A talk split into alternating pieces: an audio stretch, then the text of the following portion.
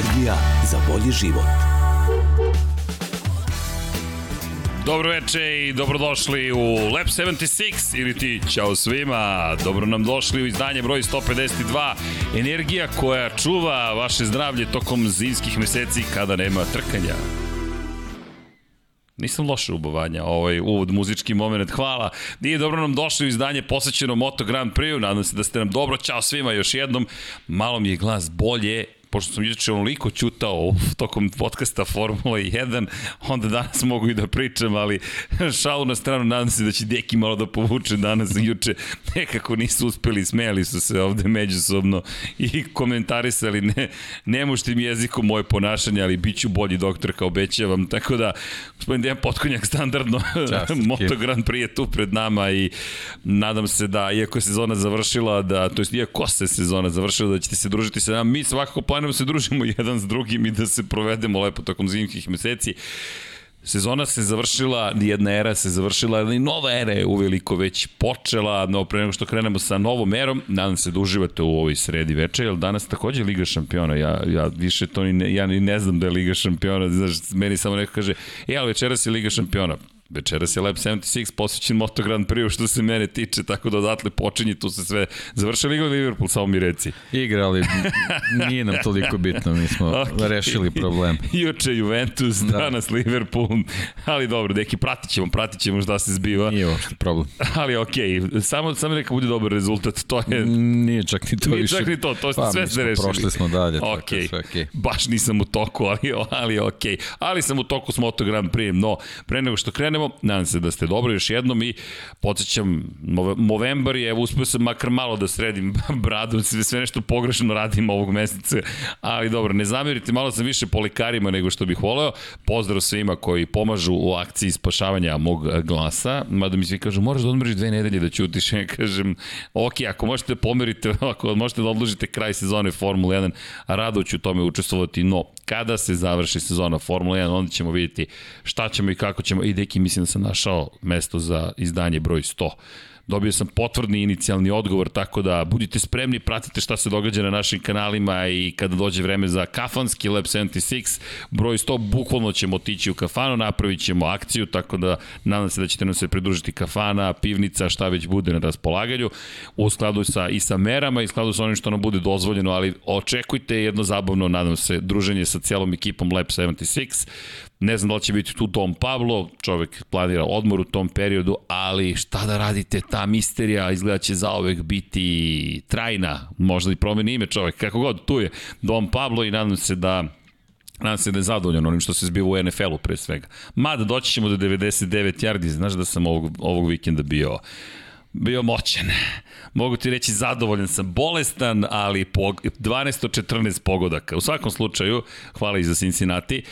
Budite dobri jedni prema drugima, mazite se i pazite se i naravno Movembar je, dakle, momci povedite računa o sebi i na kontrolu, rak testi sa rak prostate, nešto o čemu se nedovoljno priča, pa je jedan gospodin u Australiji tamo pre nekih 10-15 godina rešio da pokrene akciju zvanu Movember, pa da pusti brkove, mustači, mustaš iz mustaš i plus November, dobi smo Movember, ovo je neki beard member, ne znam nija šta je, ali ja duhom mojih kolega pustih bradu ove godine. No, to od sledećeg utorka će biti brkovi, pa onda mogu do 30. srede da imam još brkove za dve emisije, brkove i kažemo, ok, čudan jedan Movembar, ali... Kako? 30. utorak. Pa dobro, onda će mi 1. decembra da sačuvamo te brkove, da uđemo u poslednji mesec godine na, na jedan specifičan način.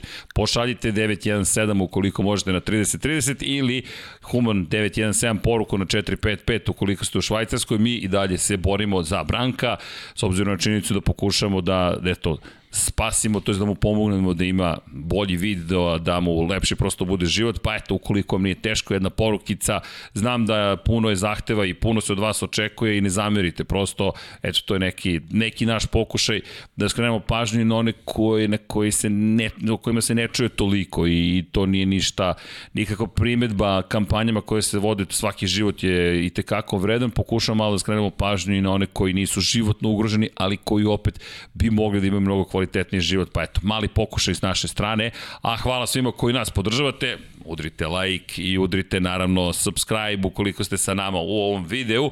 I naravno posetite našu prodavnicu, da ne reklamiram ili da reklamiram, da reklamiram, da reklamiram, to je deo u opisu posla moramo da stavimo, krećemo od naše prve knjige, ponosno, crveno i crno, Mihael Schumacher, to je Crveno i Crno Schumacher, gospodin Dejan Potkonjak napisao u divnu knjigu i možete naći u naš ekskluzivno, pazi, to sad počinje ekskluzivno, gde možete pronaći u našoj prodavnici shop.infinitylighthouse.com, a ko je zainteresovan za karijeru Valentina Rosija, ukratko opisano svih 432 dve trke. Hvala Vanja, hvala Vanja, Vanja je naravno spreman i možete takođe u pretprodaju kupiti popusti 30%. Nemamo popust za crni četvrtak, petak, plavi ponedeljak ili kako god da se zove.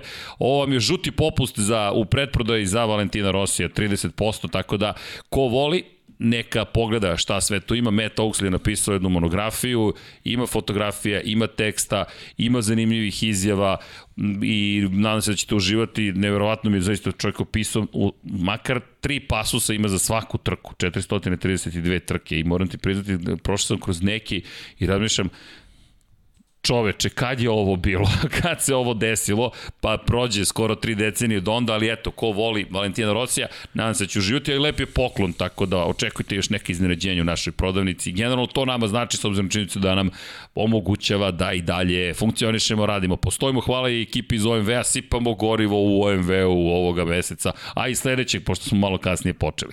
Koliko traje uvod? Pošto su se žalili na uvod, ljudi... Nisam ni primetio. Sedam da minuta samo, pa molim vas, pa nikad brži uvod nismo imali.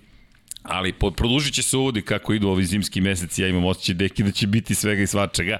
Ali eto, ja uživam prosto ovim uvodima, pa eto, meni za dušu, meni je zabavno i volim da delim neke lepe stvari, informacije. Konačno tu sam sa dragim prijateljima, ekipa se skupila, ma danas nema mnogo večeras. Vidi se da je prošla sezona, da je Motogram prispustio zavesu. Ne brinite, sad ćemo mi da je podignemo, ima mnogo toga o čemu može da se priča, a naravno hvala i našim pokroviteljima patreon.com kroz Infinity Lighthouse. Dobili smo neke nove pokrovitelje. Uhu! Nova tri pokrovitelja, ako se ne varam, juče. To fenomenalno, ljudi, ko može, ako može, nek nas podrži, naravno da nam znači, naravno da nam pomaže i kao što smo rekli, na taj način možemo sve svašta radimo. No, pre nego što krenem, čekajte, čekajte. Moram da pročitam ovu poruku. Kaže ovako, Srećna nova godina i nova F1 sezona, da je svaka uzbudljiva kao ova, još se nije završilo, ali stiglo je pre vremena ili na vreme. Počelo je tako što smo uz vas provodili nedeljno popodne, trku. Bez da smo primetili, ubrzo smo se sa vama družili subotom popodne, kvalifikacije. Pa onda je tu došao i petak i ujutru i popodne treninzi. A gde je petak, tu je i utorak, stara narodna izreka.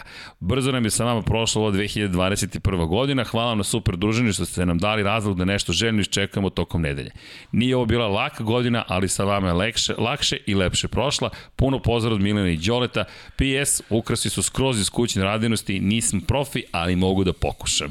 A pokazat ćemo vam šta su ti ukrasi. Stigli su nam ukrasi za jelčice, tako da Ovo ide na našu Jelku, Deki je najavio uh, uh, direktno i ekskluzivno kićenje Jelke iz studija na kraju univerzuma. Ne znam tačno još kog, kog datuma će to biti, ali dogovorit ćemo se. Tako da pratite, imamo dosta toga što treba da uradimo. Nadam se da ćemo ispuniti neka od drugih obećanja, to stoto izdanje, pa da ćemo možda sklopiti neki model, neku maketicu i tako dalje. U svakom slučaju stigli ukrasi, pa hvala vam na tome. Nemam reči koliko je lepo kada vidite nešto što ste stvorili zajedno sa svojim prijateljima, da delite, da deli radost i još nekim ljudima, tako da super smo ponosni i hvala vam na tome i naravno Zahvalit ćemo se lično našim pokroviteljima jer to je red u 2021. a vidjet ćemo za narednu godinu šta ćemo da smislimo. Deki, da krenem, a? Polako. Volim ovo da radim, ali glas moram da budem Hoćeš ja ili? Jel hoćeš?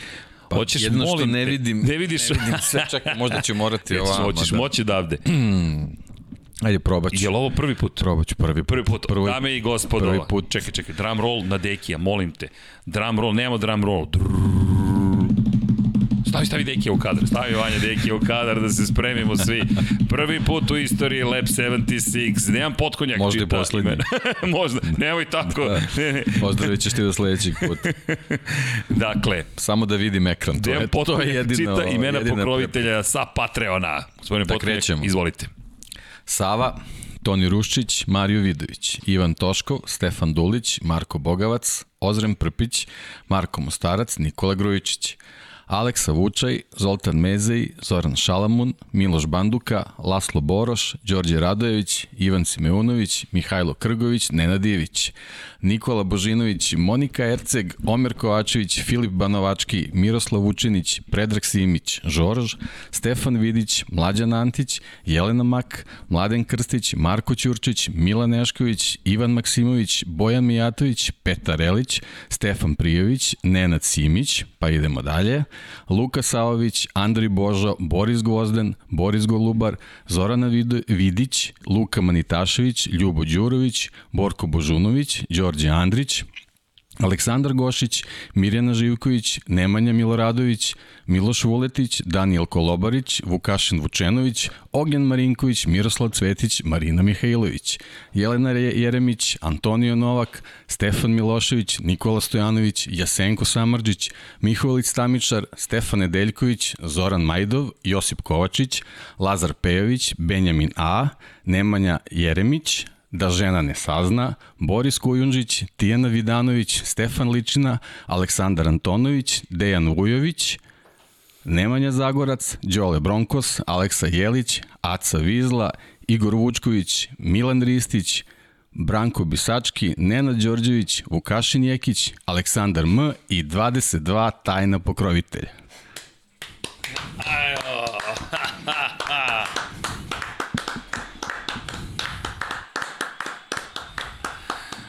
Deki, idemo.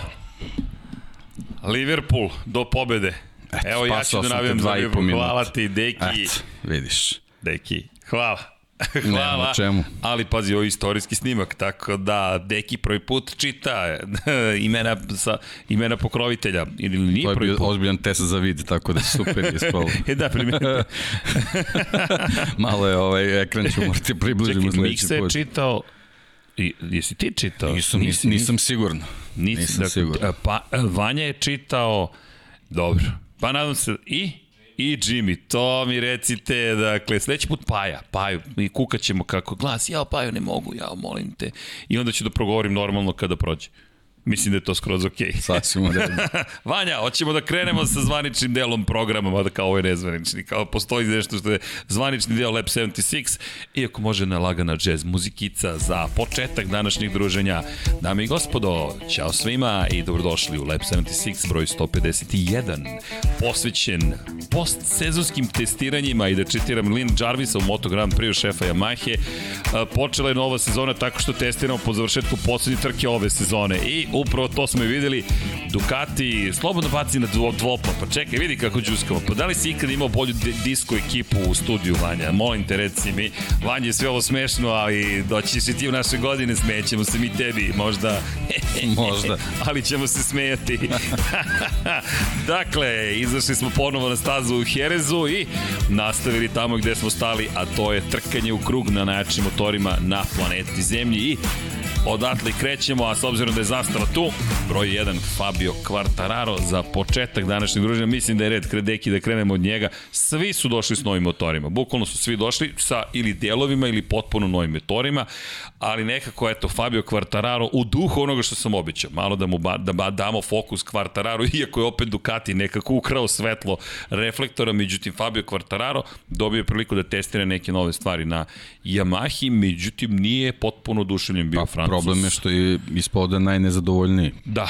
I... To je ono što, što treba da zabrine Yamaha, u stvari možda i to neka onako njegova blaga taktika da, da se jednostavno ne uspavaju, nego da Da se malo pritisak. Da, kao što se desilo u Suzuki-u možda ovaj, uh, prošle godine sa, sa, posle odlaska Brivija malo su se uspavali, nisu na vreme pronašli drugog šefa ekipe i videli smo rezultat kako je, kako je traljava prošla sezona, tako da možda poučeni tim iskustvom, to je jedno novo iskustvo za, za Kvartarara, možda je ovo sve što je što je pričao posle testova jednostavno samo njegova da kažemo neka taktika da da jednostavno da se ekipa ne uspava i da i da sva ovaj uh, poboljšanja koje su planirala, plan, planirali za 2022. budu spremna bukvalno od prve trke. Da, i kada pogledamo Yamahu ove godine, da, iako ćemo o tome pričati, moramo da pričamo o tome, možda i čak i to moglo da bude glavna tema, ali nekako Moto Grand Prix ipak odlači svu pažnju, Yamaha je dobila novog svetskog šampiona.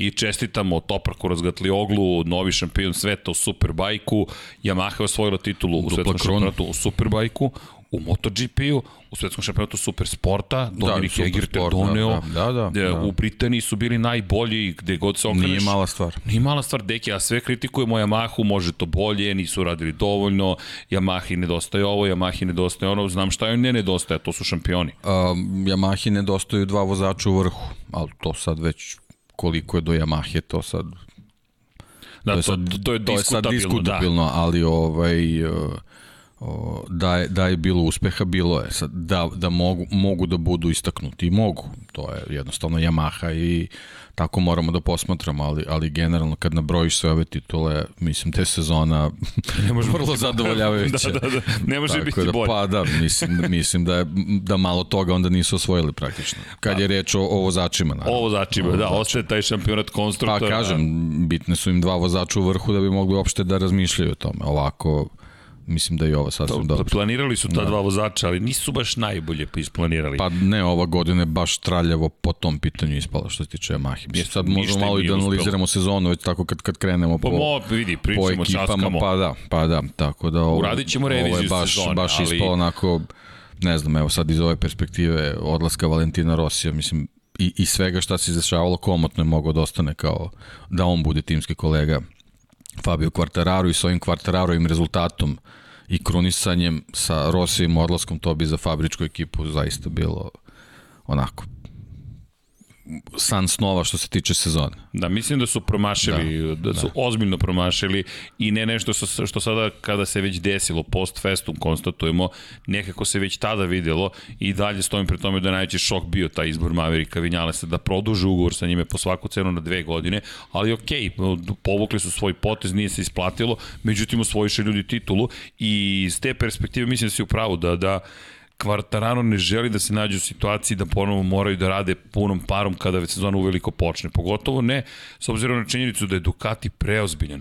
Mi u poslednje vreme samo pričamo o Ducatiju. Nikome su usana ne silazi Ducati i Francesco Banjaja. I ne samo Banjaja, i Miller je tu u igri, Jack Miller naravno, ali, ali Ducati je najveća zvezda te ekipe. I kada pogledamo šta su sve spremili, pričat ćemo detaljno o tome šta je Ducati dovezao u, u Jerez. Nekako Yamaha mora mnogo zbiljnije da radi. Ostali takođe neće spavati Pa, utisak izjava Fabio Quartarara, onako kad se sve svede, jedna reč bi mogla da bude mlako. I to za, za, za neko ko ima sigurno ambicije da odbrani šampionsku titulu do, ko, do koje je teško stigao, teško stečena titula, ovaj, nije, nije, baš, nije baš dobra ovaj konstatacija. Pazi, prvi Francuz u istoriji koji je svoju titulu u šampionatu, u Moto Grand Prix šampionatu, to je velika stvar.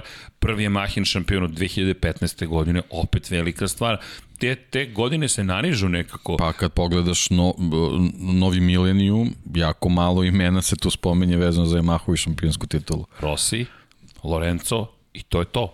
Ovo je treći njihov šampion u novom milenijumu i iz te perspektive mnogo velik događaj, monumentalnih razmera, čak iako to možda tako ne izgleda, a Yamaha i dalje deluje kao da se drži nekog svog sistema i principa za koji duboko veruje da će doneti rezultate. Kada pogledamo skor, nije baš to najbolje. Yamaha je propustila dosta svojih prilika i njegov komentar je bio okej. Okay ima tu još mnogo toga da se testira, ali nekako taj moment nezadovoljstva koji je rekao da još moraju mnogo više da urade je, su, su naše kolege usporedile zapravo sa mirom i da sa, na kraju sezone, a to je da ukoliko žele da pariraju i to istakao Kvartararo, Ducatiju naredne sezone, mnogo više posla moraju da obave nego što su to učinili. Međutim, Yamaha je rekla da su, su u suštini čak i novi motor sprema tek za Indoneziju, za odlazak na testiranje u Mandaliku, Mandalika koja nam je ovog vikenda dala i dobro i loše, toliki su bili potopi praktično, Monsun je sprečio održavanje sprint trke,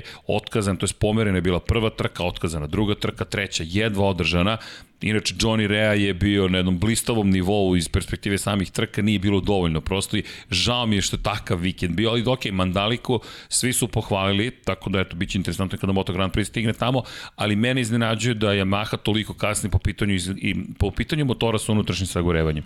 Suzuki, zanimljivo je, samo bih na kratko stočio, Suzuki je završio posao izbora motora za narednu godinu. Mene to šokiralo deki da su već sada završili i rekli su da nisu planirali nužno da sve to obave, ali su uspeli. Pa oni su generalno na početku ove godine već izašli sa, sa kako bi mogli da kažem, konceptom motora za, za 22.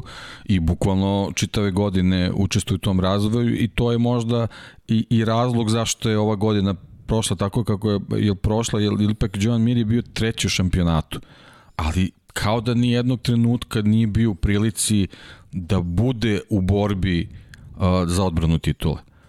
Nešto je, nešto je tu nedostajalo. Sad, da li, da li je samo, da li je samo a, vezano za ljudstvo? nedostatak čoveka koji će da vodi priču na način kako je, kako je vođena šampionska sezona, da li, da li je nedostatak potencijala u samoj fabrici da, da se bave i jednom i drugom sezonom, da tako kažemo, što, što možda može da bude slučaj ako pogledamo u Yamahu, jer ako je Yamaha morala da uloži dodatne napore da obezbedi kvartararu aparat da ove godine dođe do titule, možda iz tog razloga nisu imali dovoljno kapaciteta da se pripreme za, za prvi test za, za 2022. Može, može i to da bude, jer, jer ipak e, ne možemo o Moto Grand Prix ekipama da pričati na način kao ekipama Formule 1, ipak su, budžeti su mnogo veći, mnogo, da, e, kod Formule tamo, tamo je gigantski sve jednostavno, tamo, tamo je skroz druga priča, tako da možda možemo tu da tražimo ne, neki uzrok tog njegovog nezadovoljstva, mada kad, kad, kad izanaliziramo sve što je rekao, nije on toliko nezadovoljan sa mnogo stavki vezano, vezano za taj motocikl, ali ono što ga brine, zaista ga zabrinjava, jer kad, kad pogleda izdanje Ducatija, to je ogromna ne, razlika. Svi kada pogledamo kako raži Ducatija smo s jedne strane frapirani količinom razvoja, s druge strane srećni što se Ducati vratio u vrh, s druge strane, treće strane zabrinuti hoće li Ducati koji će imati osam motocikala naredne godine, trećina praktično vozača će koristiti Ducati i izdominirati sezonom, jer ni to nam nije potrebno, nije nam potrebno da se desi da imamo pet ili sedam Ducatija među vodećih deset i da gledamo ono što si ti nazvao lepo Ducatijevim kupom. A Ducati ne da nema nameru da stane, nego još je dodao gas. Oni su, jedan od zanimljivih komentara Simona Krejfera koji je bio prisutan na testovima je bio da je Ducati taj čuveni uređaj za spuštanje zadnjeg kraja, najpre se zvao whole shot device, pa onda ducking device i tako dalje. Ma da, whole shot je u stvari vezan za sam start, sam start ovo, ovo više nije start, ovo je 45 ne, minuta. Bukvalno oni ga koriste non stop. ovo je 45 minuta, da. I rekao to je, je nekako ravno aktivno ogibljenju u Formuli 1 iz 90. Jeste, to je, to jest, je to. samo što nije aktivno, s obzirom činjenicu da, da pa, čovek upravlja, da, ali da, tu smo. Ali tu smo. Jako je blizu. Tu, tu da, smo, da. pa jedan palac. Stvar je, stvar je samo u nazivu. Semantika je, pa, mislim da, da je u pitanju, da, otprilike. Da, da. Ali ono što je fascinantno rekao, rekao je to najbolji uređaj koji je na raspolaganju, svi timovi su ga uveli i Ducati je došao su napređenu verziju za ovo testove. Dakle, oni nisu stali, je pa to da, najbolje. To, je, to ti je generalno u svakom poslu, to je, to je ključ. Ti moraš da budeš ispred ostalih. Non stop. Ako, ako samo, samo kopiraš druge i usavršavaš kopiju, to ne, nije to, to, ili ti ne znaš šta je u umu tog što je smislio prvu verziju. I, i oni oni za sad drže drže Mis, ovaj mislim, razliku u šta veruješ. Tako je, A tako Gigi da linija duboko veruje u tehničko-tehnološki razvoj. Gledajući, hajde da ne otkrivam, ali topla preporuka zaista i mnogi me pitaju o monografiji šta da očekuju od Rosijeve monografije. Ljudi očekujte monografiju Ima tu mnogo lepih slika, ima dosta informacija, ima nekih zanimljivih intervjua sa ljudima koji su mu pomagali da uopšte započne tu karijeru, da je ostvari. Imate bukvalno opis svih nevjerovatno listinito, 432 trke. Ultimativni spomenar, Spome, da, ga, bukvalno. da ga tako nazovemo. Da. to je dobar naziv, ultimativni da. spomenar. I iz te perspektive samo jedna fotografija koja, koja je meni bila šokiran sam bio kad sam ih pogledao. Giampero Saki je tu, imamo iz eh, ko je, ko je još bio njegov glavni eh, inženjer u Apriliji i na kraju te fotografije stoji Gigi Dalinja. 1998. godina Dalinja Luigi Dalinja, današnji šef Ducati, je tada radio na razvoju RSW 250 Aprilije. Za oni koji ne znaju, Hoćemo to je bilo... da, da ga nazovemo Adrian Newey, Moto Grand Prix. e vidi, ali taj motocikl, ti, ti to znaš, ti se sećaš toga, taj motocikl je bukvalno bio ispred vremena i ta Aprilia je bila nedokučiva za Hondu. Honda nije mogla da je parira. Jedini put kada je Honda uspela da, dva puta kada je uspela da parira je kada je koristila svoje evrsne vanzemaljce. Maksimil, Massimiliano Bjađi kad je prešao sa Aprilije, zanimljivo, optužen da samo zahvaljujući motoru pobeđuje, što mi poznata ta priča, prešao na Hondu, izdominirao u prvoj sezoni, odbranio titul, otišao dalje u 500 kubika i da je Giro Kato kada se pojavio. Sve ostalo, to su aprilini vozači bili i čuvena ta sezona 1998. godine kada je Aprilija da bi dovela Rosija u, zadržala svojim redovima napravila tročna, ne tročlani tim, nego tri odvojene fabričke ekipe imala, pošto Rossi nije želeo s Kapirosim, Kapirosi nije želeo s Rosim, Harada nije želeo s Kapirosim, Kapirosi nije želeo s Haradom, Harada nije želeo s Rosim. Tako da imate prvi put u istoriji 98. godine tri ekipe u okviru jedne fabrike. Ne šalim se, tri ekipe. Dakle, imali ste garažu za jednog, garažu za drugog, garažu za trećeg. Ako mislite da su motociklisti postali egoiste u 21. veku, silno se varate. Da ne govorimo o toj italijanskoj vezi, April i tako dalje. Ali Dalinja je tada insistirao na tehničko-tehnološkom razvoju, posle vodio uspešan program i dalje u svetskom prvenstvu, pa je potišao u Superbike, pa tamo sa Aprilim i Bjađima svoje titule i onda je prešao, prebegao, kako kaže Aprilija, prebegao u Ducati i on je od Ducatija stvorio ovo što danas jeste. Ducati je otišao neke neverovatne neverovatne granice pomera bukvalno u Moto Grand Prix-u i ponovo su bili najbrži. Francesco Benjajo bedljivo bio najbrži za Yamahu. Ma, ajde što je bio ubedljivo najbrži, nego sad kad poredimo njegovu izjavu u odnosu na Kvartaraurovu, to je onako stvarno, kad čovjek kaže da je motocikl savršen već u ovom trenutku, uh, stvarno je brutalno, ali on ima ono jednostavno ima potvrdu svojih reči u rezultatu. On je skoro Jeste. sekundu bio brži od ostalih. Ja, i, i to, bio je... To je strahovito. I na pola sekunde od onog čuvenog kruga Jorge Lorenza, onaj da, čuveni krug, da. otišao sam iz Yamahe. Prvog dana testiranja. Prvog dana testiranja, za strašno Koji u stvari niko ni ne, ne smatra testiranje, nego shakedownom. A, zanimljivo. Služi za upoznavanje, za... Znaš kom je bio da. shakedown? Da se vratim na Yamahu, Derinu Binderu. Da, u, on baš ima shake. on ima baš shake, imao je i down, imao je pad u devetoj krivini, ali Derin Binder je dobio priliku zapravo da samo vozi motocikl. Rekli su mu, nema ništa da brineš. Nevažno je vreme, nećemo da se igramo s podešavanjima, ništa, sedi i vozi Moto Grand Prix motocikl. Derin Binder, mladi južnoafrički vozač koji je preskočio Moto2 klasu, prvi i jedini uz Jacka Millera koji je to uradio da ne vozi u Moto2 kategoriji da ode direktno u Moto Grand Prix iz Moto3 vozio je tokom dva dana i to je to, ne bih ulazio u analizu njegovog vremena, prosto je napredovao, što je logično, ali je Maha rekla ne, cilj je da ovaj momak oseti Moto Grand Prix motocikl, ništa drugo od toga. E sad što se tiče razvoja Mahi, samo da ne zaboravimo to da napomenemo, bavili su se ramom dosta, novi delovi na ramu su uočeni, ne znamo, kažemo, do Indonezije šta će biti s motorom sa unutrašnjim sagorevanjem, kako će to rešiti. Ono što će ostati večita nepoznanica, ali toga bih se dotakao negde na kraju, Michelin kakve će im gume doneti, niko živ ne zna. Michelin definiše sudbinu vozača i toga su svi svesni, kao što je utjecao na Dovicioza u jednom momentu Andreu dok je bio u Ducatiju, kao što je utjecao na, na utjecao na Valentina Rosija, pa i Danila Petruća. Tako i počelo praktično. Pa tako i počelo. I gume, ukoliko se ne prilagodite gumama vrlo lako karijera može da ode u potpuno pogrešnom smeru. Trenutno gume su napravljene savršeno za Jorge Lorenza. Lorenzo sada da se vrati u Moto Grand Prix, on bi te kako uživao. Zašto? Cilj je na ovim gumama da budete brzi u krivinama, ne na kočenju i dodavanju gasa, već da zadržite brzinu i kroz krivine da prođete što je brže moguće.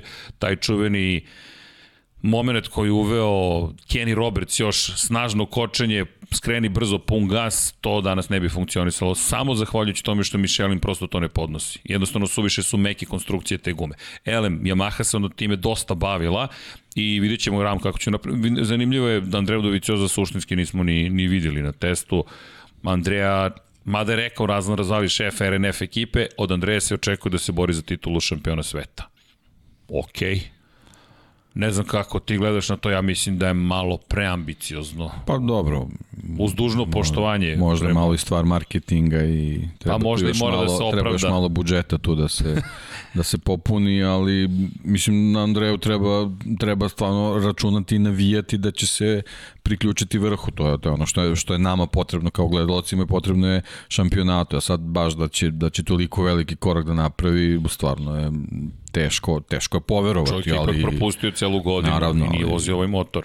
Vozio stari motor. Mislim, s njim nije ništa nemoguće, jednostavno tu je pre svega njegova želja je bitna, verovatno se možda i njegov stav generalno promeni u čitavoj priči, ali mnogo, mnogo faktora tu sad ima da, da se uklopi da bi, da bi ta rečenica mogla da bude Mislim tačna. da je odgovor leži u tvom prvo, svojoj da. prvoj rečenici. Malo marketinga, pa, ali mislim, dobro. Da, da, da. da Nije na odmet kad izgubiš velikog generalnog sponzora, sad stvarno moraš ovaj, i nogama i rukama da, da, da kopaš, da, da obe, obezbediš i ole približan budžet, posebno ako imaš takvu neku ambiciju ako je ta rečenica tačna. Da, VTU dolazi, italijanski veliki sponsor, ali opet i VTU je neko novo ime koje se pojavljuje. Tek Petronas s druge strane, jedan na jedan ima svoje mesto u automotosportu, prosto je petrohemijska industrija u pitanju i veze koje razna razali vukao, što u Maleziji, što u Petronasu, su bili tekako važni i moćni. Stigefelda nema tu... Da, Johan Stigefeld je otišao. Tako da, to je sad veliki pritisak i na njega, tako da jednostavno, eto, možda malo, malo s takvim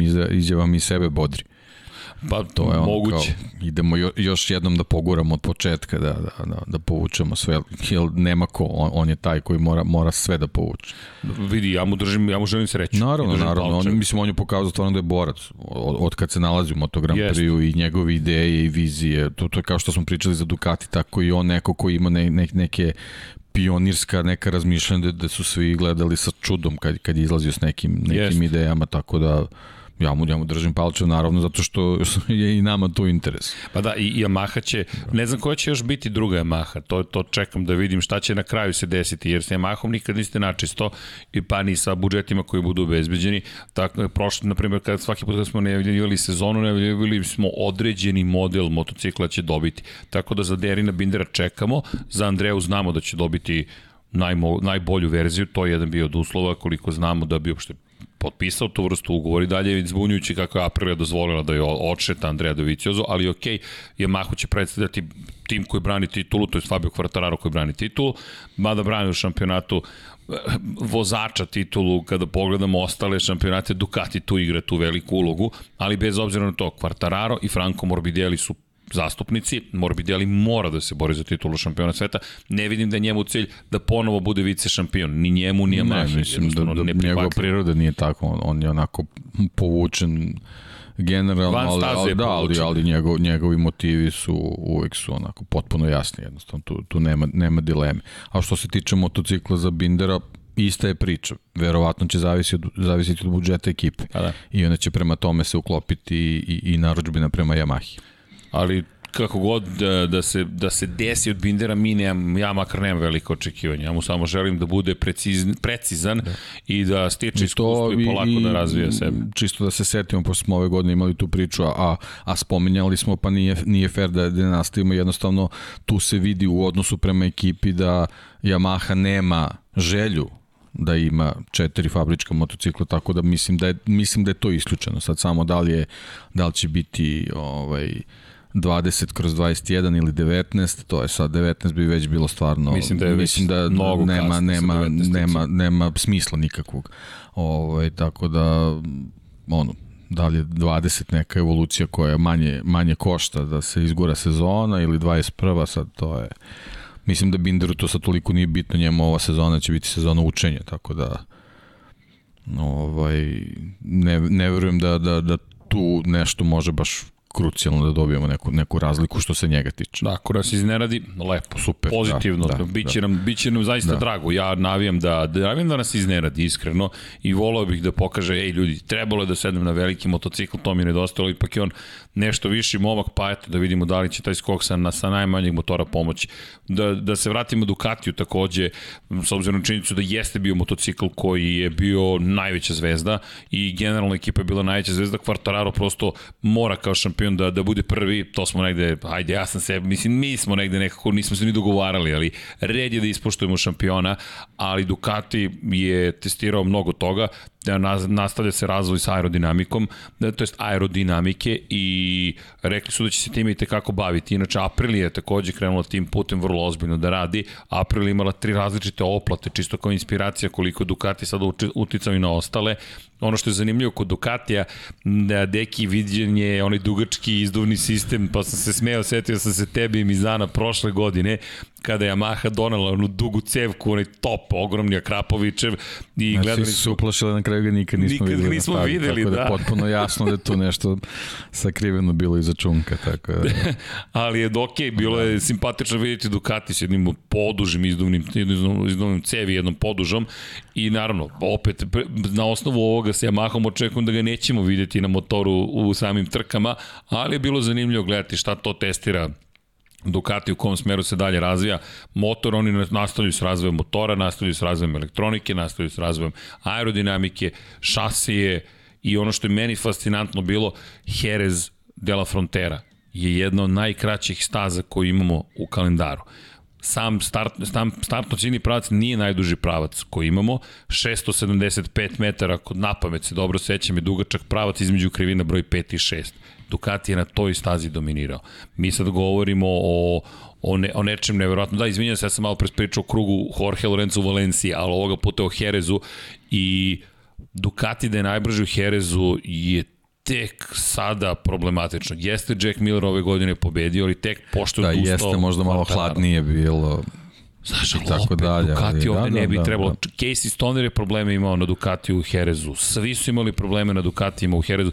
Po, prethodni put kada se nešto ozbiljnije desilo je bilo kada je Lorenzo vozio sa Andreom Doviciozom u Ducatiju, pa onaj čuveni incident s Danijem Pedrosom kad su sva trojica eliminisana, ali Ducati nikada na Herezu nije bio favorit. Ne, ni- nikad nismo dolazili u Herez i govorili, e da vidimo šta će uraditi Ducati, to jest ko, Ne, može da mislim, para mislim Ducati. da se od, od 21. generalno ti svi utisci brišu. Jednostavno, to sve moramo da zaboravimo i sledeća sezona sa novim ovaj, uh, motorima, kad, kad krenemo u najave, te neke statistike od 20. i, i, i unazad jednostavno trebamo da zaboravimo. Znači, samo, samo će nam 21. eventualno biti reper za, za, za, za performanse koje možemo da očekujemo na nekoj stazi, ali eventualno. Pazi ovo, Ducati, pobeda ove godine s Jackom Millerom, ali kažemo, pošto je Quartararu otkazao motor. Velika nagrada Andaluzije je vožena takođe ovde prošle godine, Quartararo takođe pobedio. Bilo bi treća pobeda Quartarara.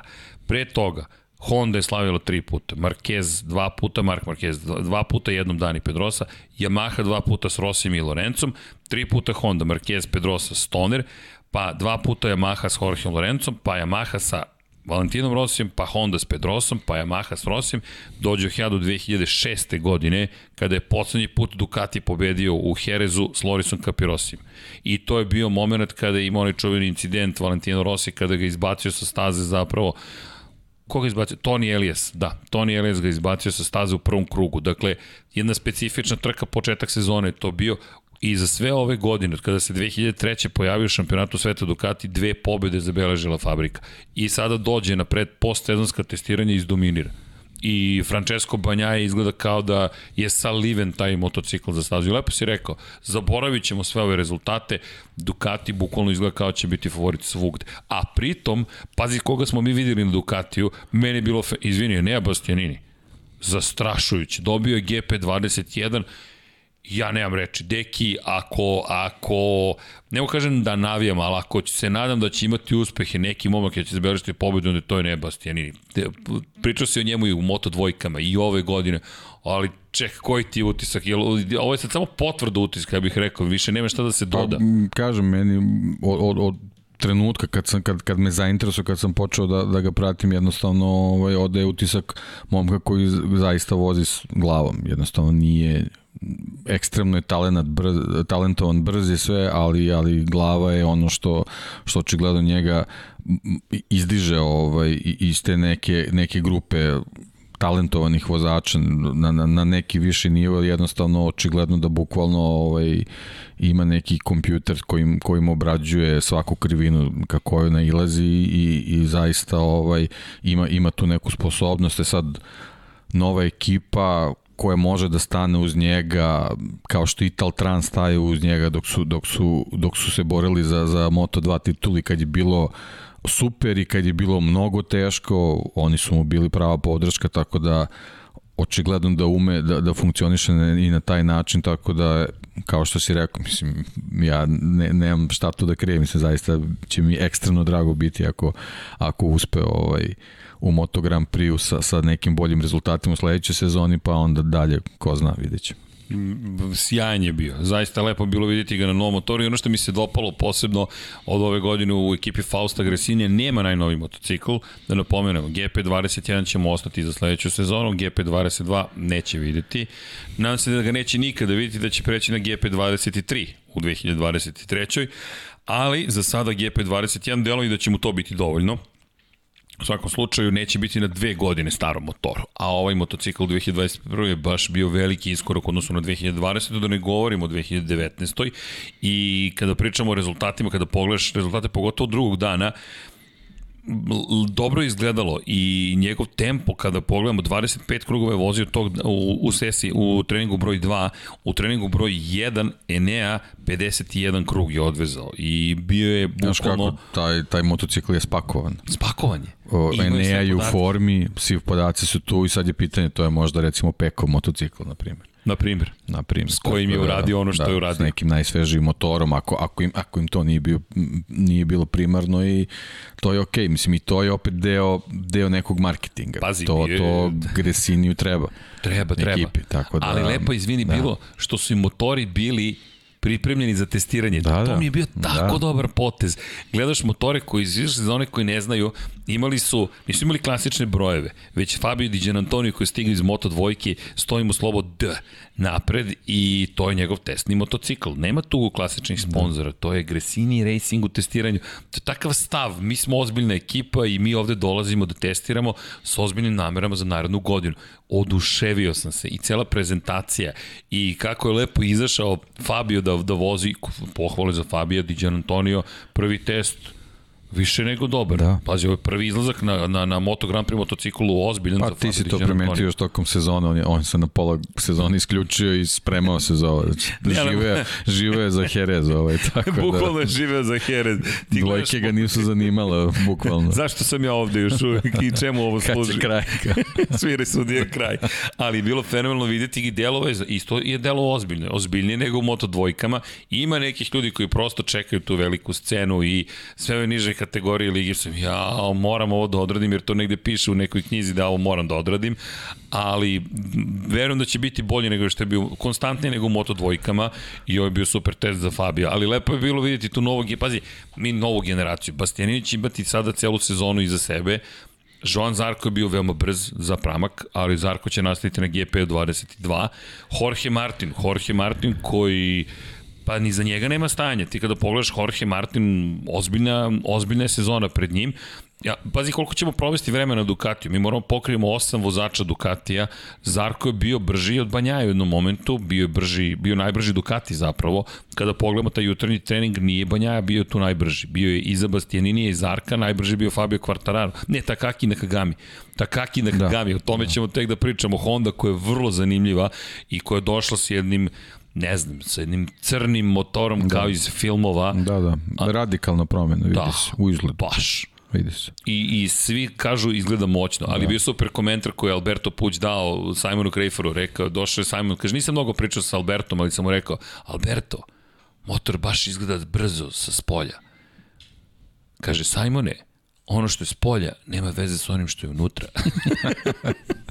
Rekao, ok, Alberto puđu njegovom fazonu, ali sad ne znamo šta to znači, da li to znači ima još puno posla ili znači nešto drugo. S Albertom puđu, ko će ga znati?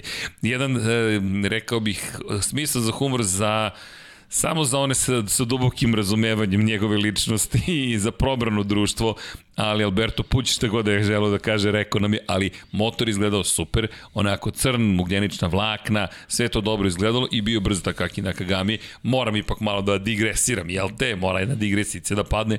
Honda koja nije imala Marka Markeza da testira i ova nova era... I neće ga imati, to je, da. to je problem koja problem za njih. ne znamo zapravo ni kako izgleda. Mi ne znamo da li smo sada u baš potpuno novoj eri ili ćemo imati period tranzicije između teh jedne, jer Mark Marquez je sada taj koji povezuje generacije. On je taj koji povezuje generaciju u kojoj su bili Dani Pedrosa, Jorge Lorenzo, Casey Stoner i Valentino Rossi, ali dobro, Valentino Rossi kao večnost, jednostavno ne trajao u Moto Grand Prix-u, ali Mark Marquez je poslednja spona sa tom grupom vozača.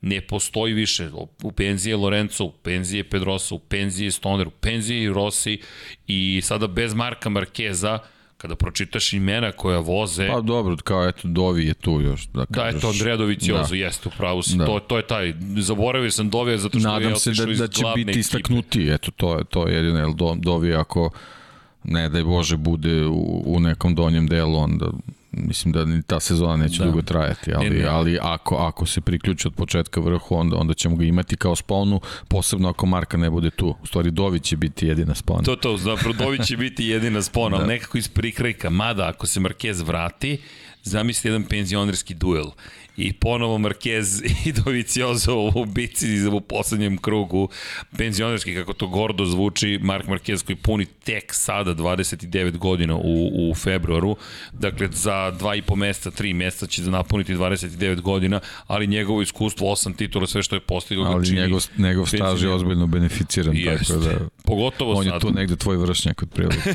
da, to, to, to je to, otprilike, to je to. Hvala, deki. Čekaj, ovo bolje zvuči zapravo kad razmislim nego što sam mislio. Može, usvojeno. Ja sam obukao crvenu majicu za Dukatijevce, pošto su bili najbrži, ali može i ovako. Dobro, malo sam mlađi. I da, je bio jedan komentar na YouTube-u, nisam stigao da odgovorim. Pusti Srki nostalgiju, ja sam navijam za Markezan i ne razumem ovo oko Rosija. Zato kupite knjigu, evo malo reklame, da biste znali šta je to postigao Rossi, koliko je promenio sport i koliko je drugačiji od njegove pojavi nadalje. Mark Marquez je prosto deo jedne nove generacije, ali sad dolazi još novije generacije i zaista se ne šalimo kada kažemo ovo je početak još jedne, još jedne ere. Kako će izgledati? Nemamo predstavu, zato jeste zanimljivo da vidimo kome će pripasti, ali delo je dobro. U svakom slučaju Markeza nema na stazi, ne znamo kada će se ponovo vratiti, da li će se vratiti, kako će biti stanje, mi mu držimo palčeve. Ali kao, je, a to, eto, ako pričam je povredi 4 do 5 meseci, to je... Deki odbrojavamo, Još, da, dakle, da, da. decembar, januar, februar, mart. A sezona počinje 6. marta. Da. 6. Onako marta do tad ne može da sede na motocikl, znači sigurno prve 3-4 trke ga nema. Da, i onda se vraćamo na nešto što smo videli ove godine, verovatno kraj aprila, verovatno dolazak tek na, evro, na evropsko tle, pa po ispočetka još jedna sezona je praktično iz početka. Pri čemu opet ne znamo kakvom će stanju biti. Ako je do njegove volje, znamo da će se vratiti. Verujem da voljni moment ne nedostaje. Ali... A da, ali još jedan početak. Da. Po ko zna koji put. Koliko možeš da ih imaš, to je ono što je pitanje. Neko je rekao poput mačke, znam, ali čujte, nije mačka, to nije čovek. On je čovek i to ono što ponekad zaboravimo, ali svi su oni ljudi. Nisu neuništivi super ljudi i super junaci, koliko god da i mi tako posmatramo i neverovatno ono što čine, ostaje taj znak pitanja i to se i videlo sada tokom testiranja za, za Hondu.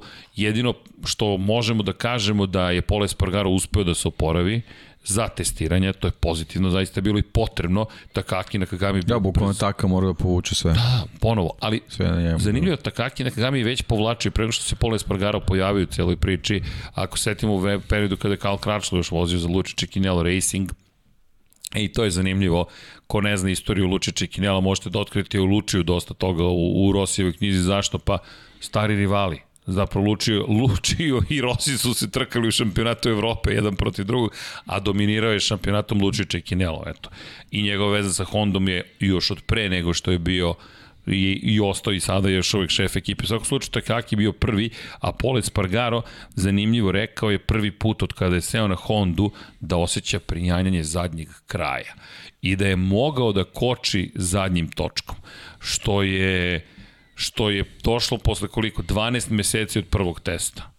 Deki, cela godina da bi ti došao do nečega što je praktično osnova Moto Grand Prix motocikla. Zastrašujuće zvuči. Pa, samo ono zamrzavanje razvoja 20. na 21. je dovelo do toga da su stvari uh, u, u, u sezoni koja, koja se nedavno završila, oni praktično vozili motocikl koji nije bio pripreman za njih.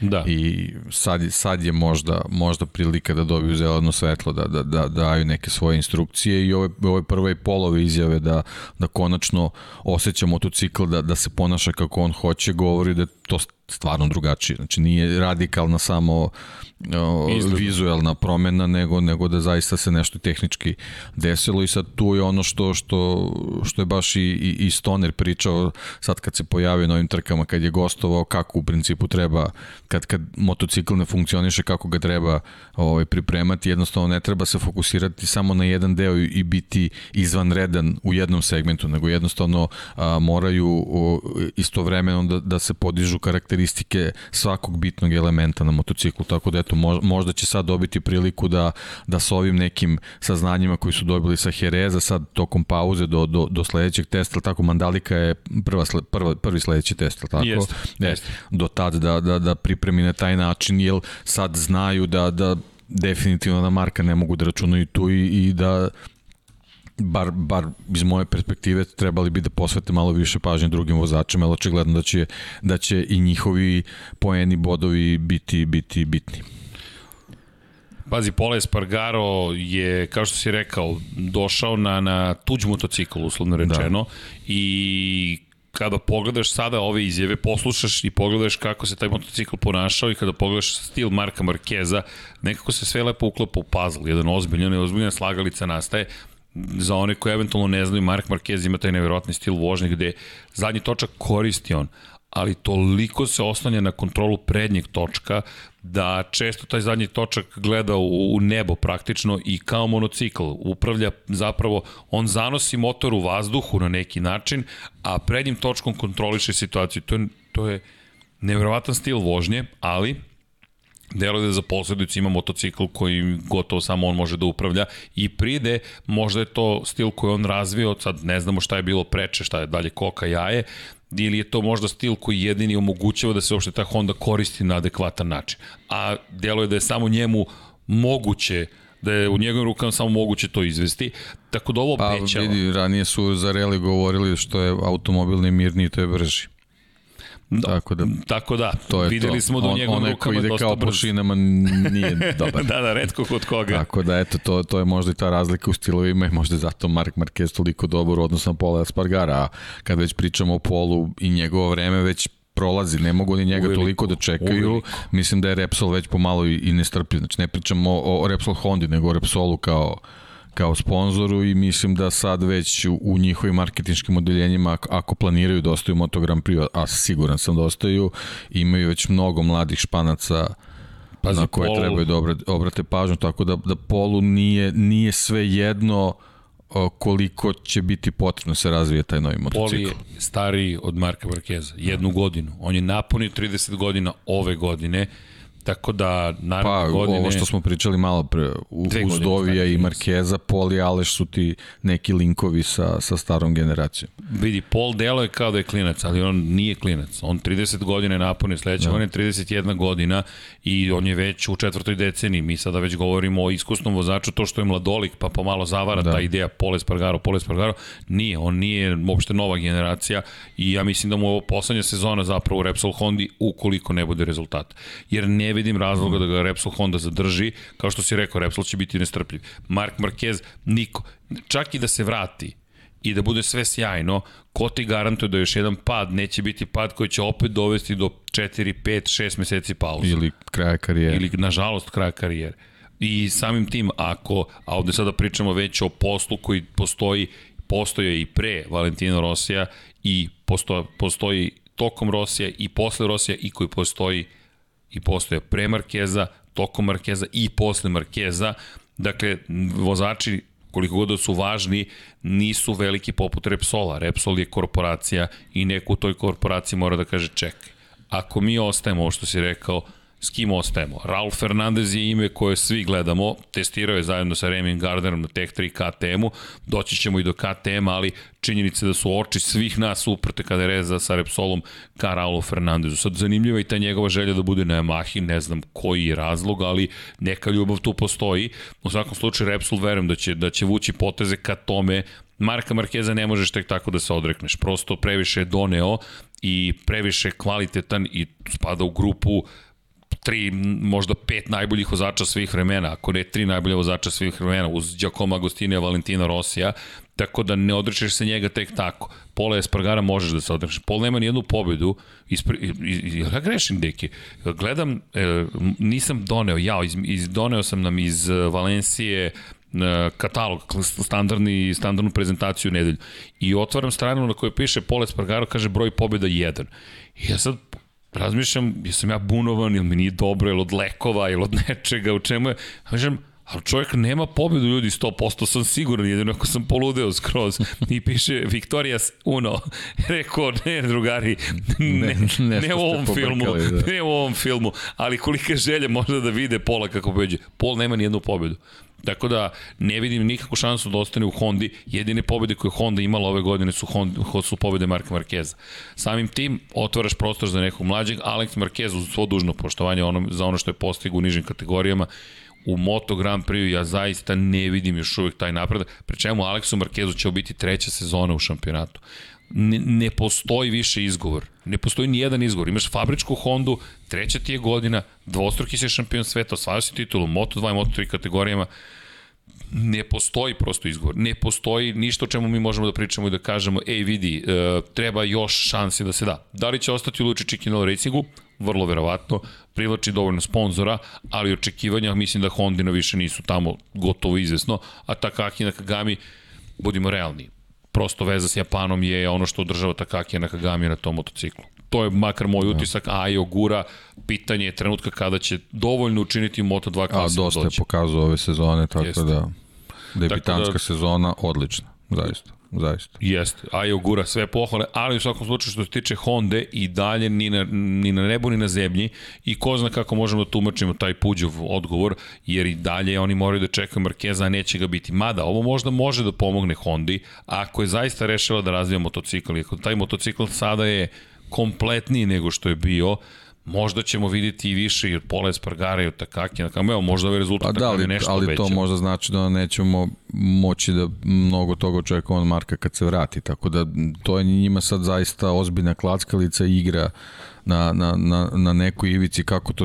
kako se u stvari pripremiti za, da. za, za sledeću sezonu i, i na koga tipovati u stvari. Ali ti generalno ako imaš Repsol Hondu, moraš, moraš jednostavno da računaš na vozači iz te ekipe, a, a, a tandem koji, koji će biti na motociklima bez Marka je onako jednostavno nije, nije, nije potencijal koji, koji zadovoljava apetite Repsol Honda, dok sa druge strane LCR videli smo ove, ove godine isto dosta, dosta lutanja, čak, čak i, i, i, i Pa ubedljivo loših rezultata. Da je ovo tako. najgora možda sezona pa, Lučića i Nala Racing. Možda, da, da. Jer Karl Kračov koliko god da je imao padova, A, odlična ekipa. znao je da bude u vrhu. Potencijalno, da. Da. da, da. I pa čak i Takaki Nakagami sa, sa, sa Kalom Kračlom je znao da, da odradi bolji posao. Kada su njih dvojice jedan drugog motivisali i te stalne kritike Kala Kračla koji govorio ma Takaki Nakagami samo ima bolji motor ili on nije dovoljno dobar ili šta god je govorio, ali nekako su uspevali da dođu povremeno do pobjedičkog postoja, dve pobjede doneo ekipi Kal Kračlu,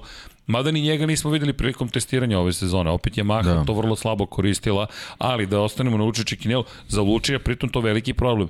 Lučio i dalje nezavisni čo, prosto čovek koji zavisi od onoga što njegov tim postigne. I koliko god mu Honda pružalo podršku i Castor mu pružalo podršku, ta podrška će nestati.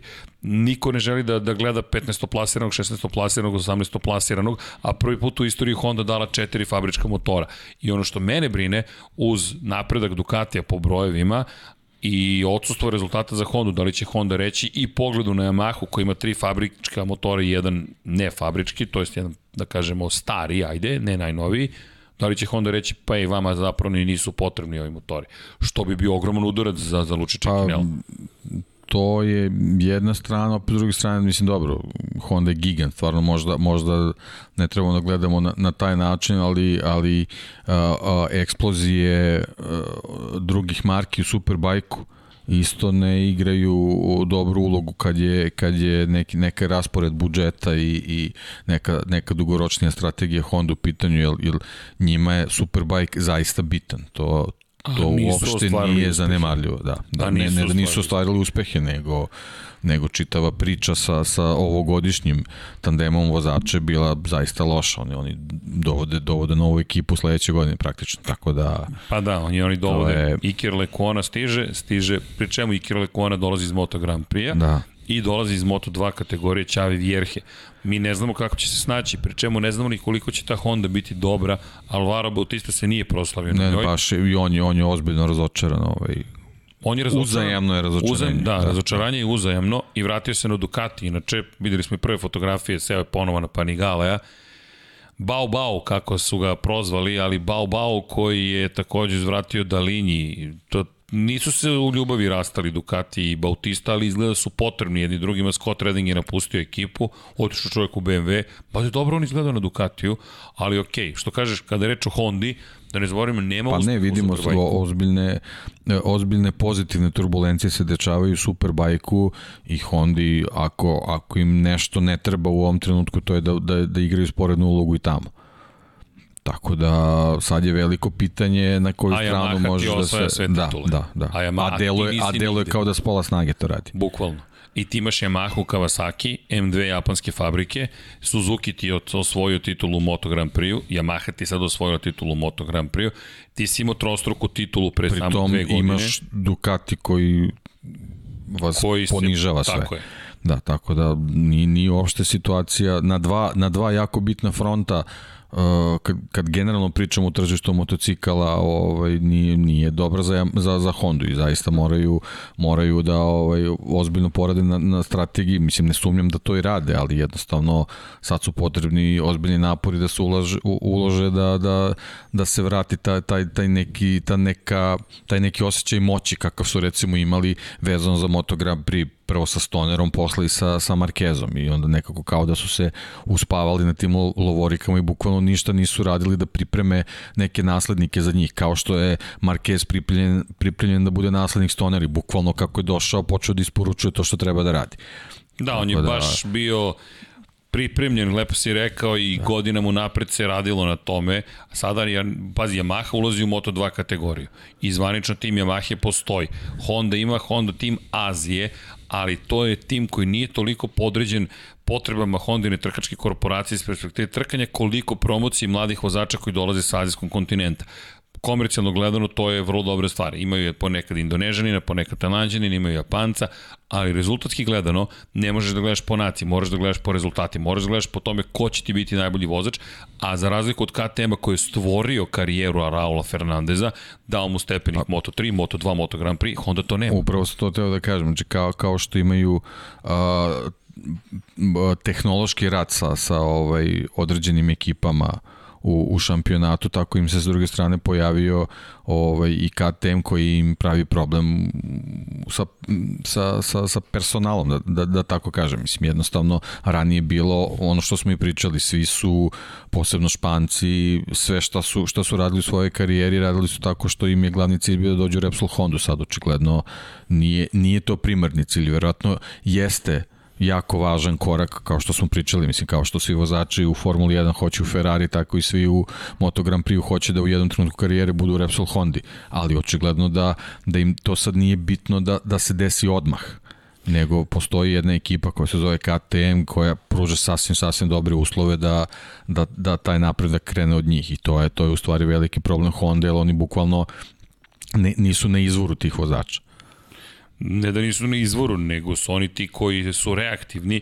Yamaha je bila dosta reaktivna, počinje polako nešto tu da radi, ali e, stigle su nam fotografije, Vanja, šaljem ti fotke sa testa, a najzad su nam stigle, tako da Honda predstavila novi motocikl, vidjet ćete ga upravo, za one koji su na audio platforma, opisat ćemo ga najbolje što možemo, ali razvoj u punom jeku, sve moguće stvari se razvijaju, dakle mi pričamo ovde o, o tome da, da se radi na, na svim frontovima i to ono što je lepo videti, govorimo o razvoju aerodinamike, šasije, govorimo o razvoju motora, motora sa unutrašnjim sagorevanjem. Poslednji put kada smo razvijali motore sa unutrašnjim sagorevanjem, to je bilo za početak 2020. godine zapravo.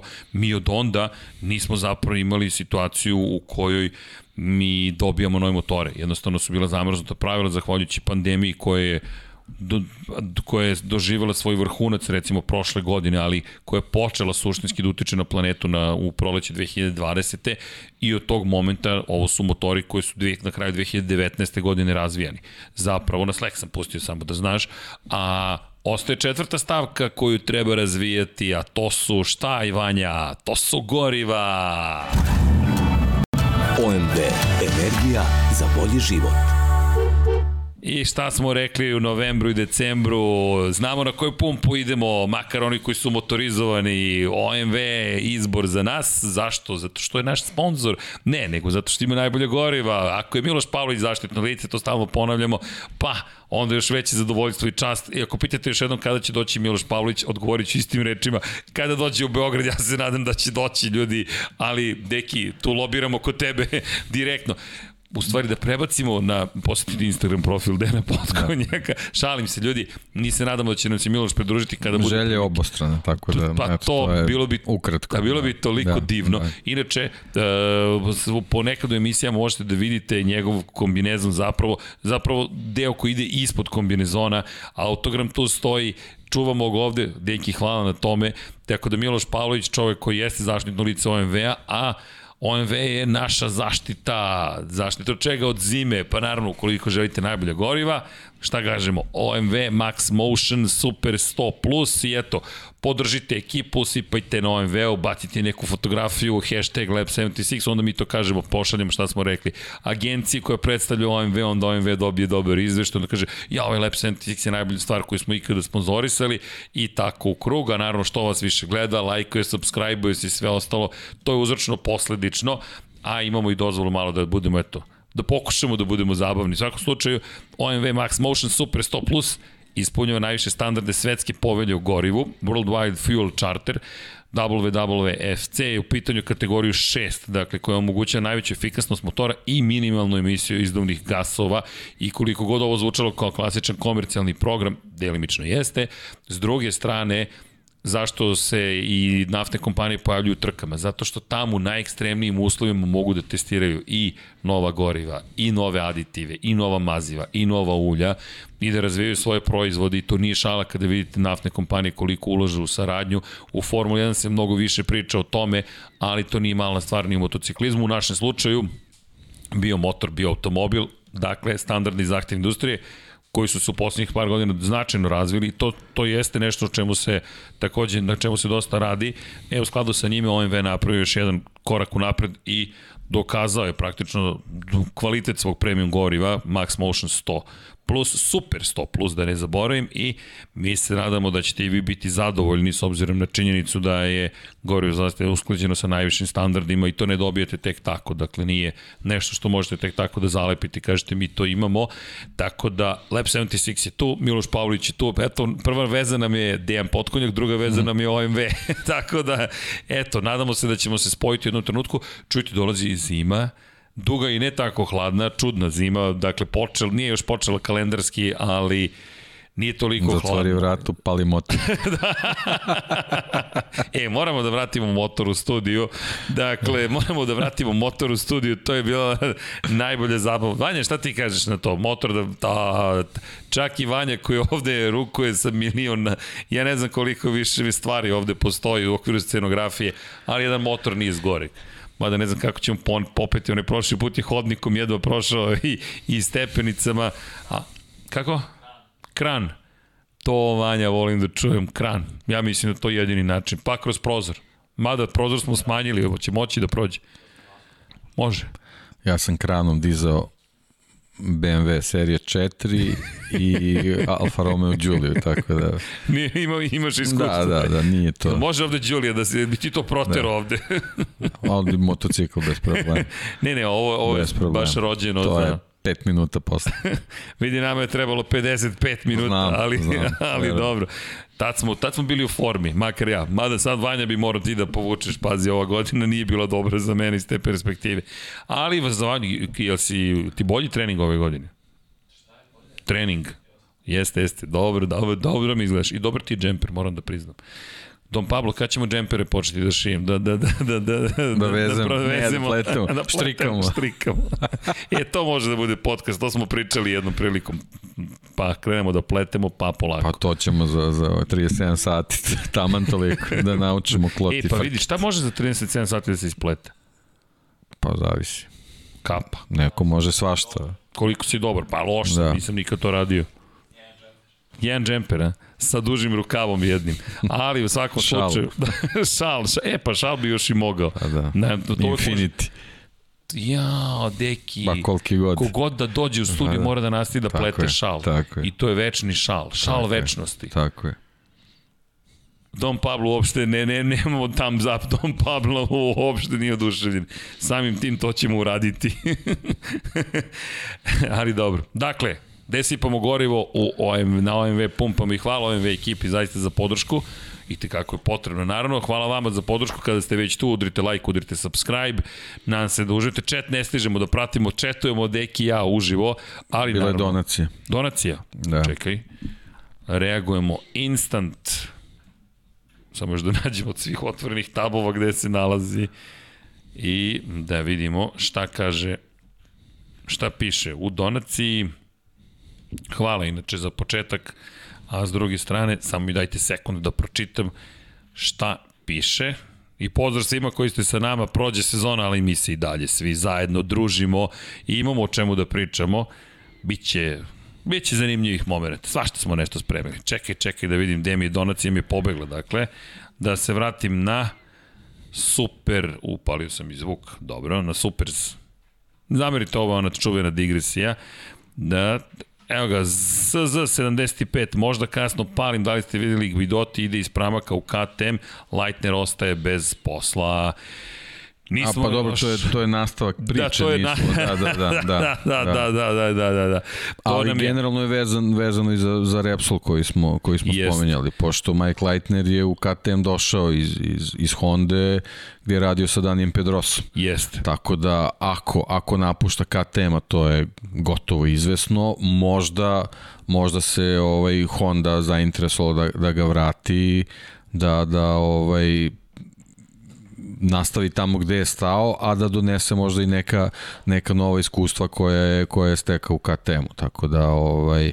evo, ali kad već pričamo o Hondi, evo, evo i na ekranu. E da, evo je, pogledajte, lepo izgleda, pazi, uvek ovo lepo izgleda. Da, nema mnogo sponzora, piše samo HRC, piše Honda RC 213V, gume tamo s desne strane lepo iskorišćene, Michelinove srednje tvrde. E da, i to je još rekao Francesco Banjaja, da su postigli najbolje rezultate na srednje tvrdim gumama. Strašno. Strašno, bukvalno strašno. Oni za- zastrašuju sada konkurenciju. Mm, Honda drugačije. Pogledajte vi kako, meni je aero paket ovde, taj takozvani vrlo zanimljiv. Toliko je sve ravno, nekako neočekivano. Deki, navikli smo sada već na vrlo kompleksnu aerodinamiku. Honda kao da je vratila motocikl u neku 2015. 16. Meni tako izgleda. Ima tu onih osnova, naravno prepoznatljiva izduvna grana koja je ispod sedišta, ali sam motor dosta drugačije izgleda, zaista. I ne znamo naravno šta se krije ispod, što kaže Puđ, ispod je drugačije. Ovo je inače, ako se ne varam, ovo je sa, sa zapravo Ducatija. Dakle, ovo bi trebalo bude Ducati koji opet pogledajte do, do koje mere razvija aerodinamiku. I Aprilia, to smo rekli, rekla da nema potrebe da unapređuje šasiju, to nismo napomenuli, Aprilia rekla ne potrebe da šasiju, dakle bavit će se motorom, ali bavit će se mnogo aerodinamikom. I rekla je da najviše truda kada uloži aerodinamiku se vidi po rezultatima u sezoni. I Ducati, kada je reč o aerodinamici, zaista rekla, e, ovo je zanimljiv kadar, to je ta izduvna cevo koju smo pričali, koja nas je podstila na Yamahu prošle godine. Inače, ej, Vanja, moramo spavimo foto Dorna, to u description posle moramo da ubacimo. To je fotomotogp.com. Za ta, tako imamo dozvolu da koristimo, ali u description to moramo da ubacimo u svakom slučaju, pa i na same fotke možemo, ali dovoljno u description da ispuštujemo pravni aspekt priče i hvala Dorni što nam ustupa fotografije. Inače možete da vidite takođe novu oplatu kod Ducatija, vredni su zaista u Ducatiju, nemamo pojma da li će se ovo ikada pojaviti na motoru, a ovo je pogled na, na novu Yamahu, Fabija Quartarara. Uvek mnogo dobro ovo izgleda, zaista. Ne, ne bih, nema šta da se komentariše. Ali ono što je zanimljivo, na primjer, mislim da nismo dobili fotografije KTM-a, ali kada je reč o KTM-u, kada već spominjemo eto KTM i da je Guidotti otišao iz tima, KTM je... Da Guidotti dolazi. Naravno, dolazi. Ali, ali nije, nije to sigurno. On je, mislim, on je vrhunski posao radio u Pramaku, ali je uh, ništa još nije potvrđeno za KTM, posebno iz razloga što se on spominje uh, i u vezi sa Suzukijem. Tako da on je on je očigledno čovjek koji je trenutno na ceni i, i ta priča još, još nije, nije gotova. Što se tiče Leitnera, opet sa druge strane znamo ovaj, koliki je njegov doprinos u razvoju KTM-a i verujem da on takođe nije osoba koja je baš jeftina na, na tom tržištu. Tako da ako bi negde trebao da osvane i, i negde gde, gde, gde je potreban tak, takav čovjek kao što je on, eto, to je, to je možda Honda. Tako da, ovaj, eto, to je, to je sad taj neki ovaj, uh, uh, trenutak gde, gde, gde se sad, sad i, i, i, u, u, i u tom delu odvija neki prelazni rok i u principu u ovom trenutku jedino što je sigurno je da Leitner više nije u KTM-u. Sad, gde on odlazi i da li, da li će Guidoti biti baš zamena za njega ili će se možda naći u Suzuki, mislim da to sad već stvar nekih pregovora, pregovora ali verujem da upravo zbog ovog shakedowna ko, kojeg smo imali i relativno kratkog roka za, za pripremu motocikla za, za ovaj sledeći test, ovaj, mislim da, da, da ćemo u, u, u sledećih nekoliko dana i saznati gde su njihove nove destinacije. Ono što je... Ali izvini, ali tu i sad bitno, pošto se Guidoti spominje na dva mesta, znači i u KTM-u i Suzuki-u, jako je važno da li, da li će se tu, tu pojaviti još jedan, još jedan uh, ovaj, šef koji, koji je ravan tim, tim kvalitetima i, tim, i, i, i toliko sposoban da, da, se, da zadovolji potrebe ekipa koja ga traži. Ono što mi je možda ajde, neka spekulacija koja mi se javlja na, na Kecal u ovim situacijama jeste ako Leitner odlazi, trebalo je u Suzuki da dođe Gvitoti, a ako odlazi u KTM, da li će Leitner da osvane u Suzuki da. možda? Suzuki je potreban neko, no, otišao Davide Brivio i to je sad isto pitanje, deki, tome nismo previše diskutovali, ako Brivio i ode iz Formule 1, ako napusti Alpinu, da li je zaista Suzuki potrebno da se vraćaju toj saradnji ili ne. Da li je to ja koliko sam pročitao mislim da, da je teško.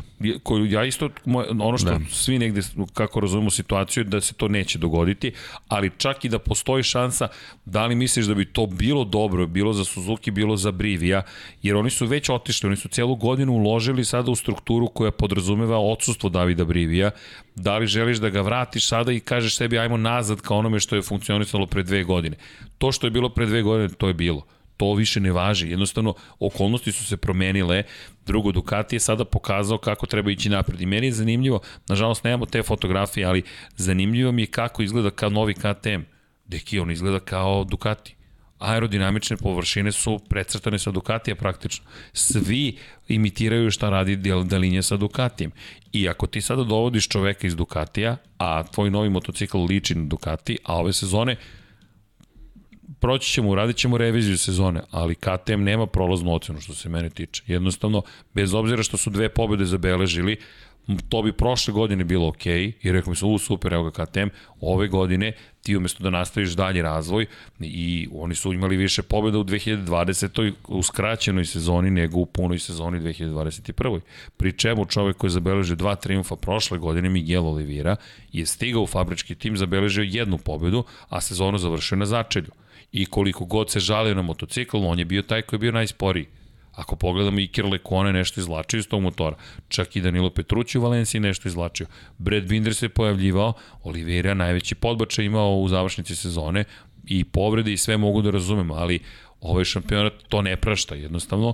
KTM, dakle, negde se izgubio na tom putu i to je pretpostavka zašto dolaze Gvidotija, dakle, Francesco Gvidoti koji je bio u pramaku i ono što je meni zanimljivo jeste koliko je zapravo Moto Grand Prix postao, ono što si pričao poput Formula 1 s početka 90-ih, svi otimaju svakoga, mada u Formula 1 se ponovo to dešava, jedno tamo iz Mercedesa se kupuje ili kupuje, odlaze ljudi iz Mercedesa u Aston Martin, ali to je okej, okay. Moto Grand Prix postade sada tržište jedno vrlo ozbiljno, pa nađi ti sad čoveka koji će da ti upravlja ekipom. Pa ime koje se onako, o kojem baš treba da se vodi računa je Johan Stigefeld. Jeste. Johan Stigefeld je postavio, bukvalno je postavio osnove za Petronas, za cijelu ekipu u tri kategorije. Mi govorimo o čoveku koji je došao u Moto trojkama, Moto On je jedan od zaslužnijih što se Caterham uopšte pojavio u Formuli 1, na primjer.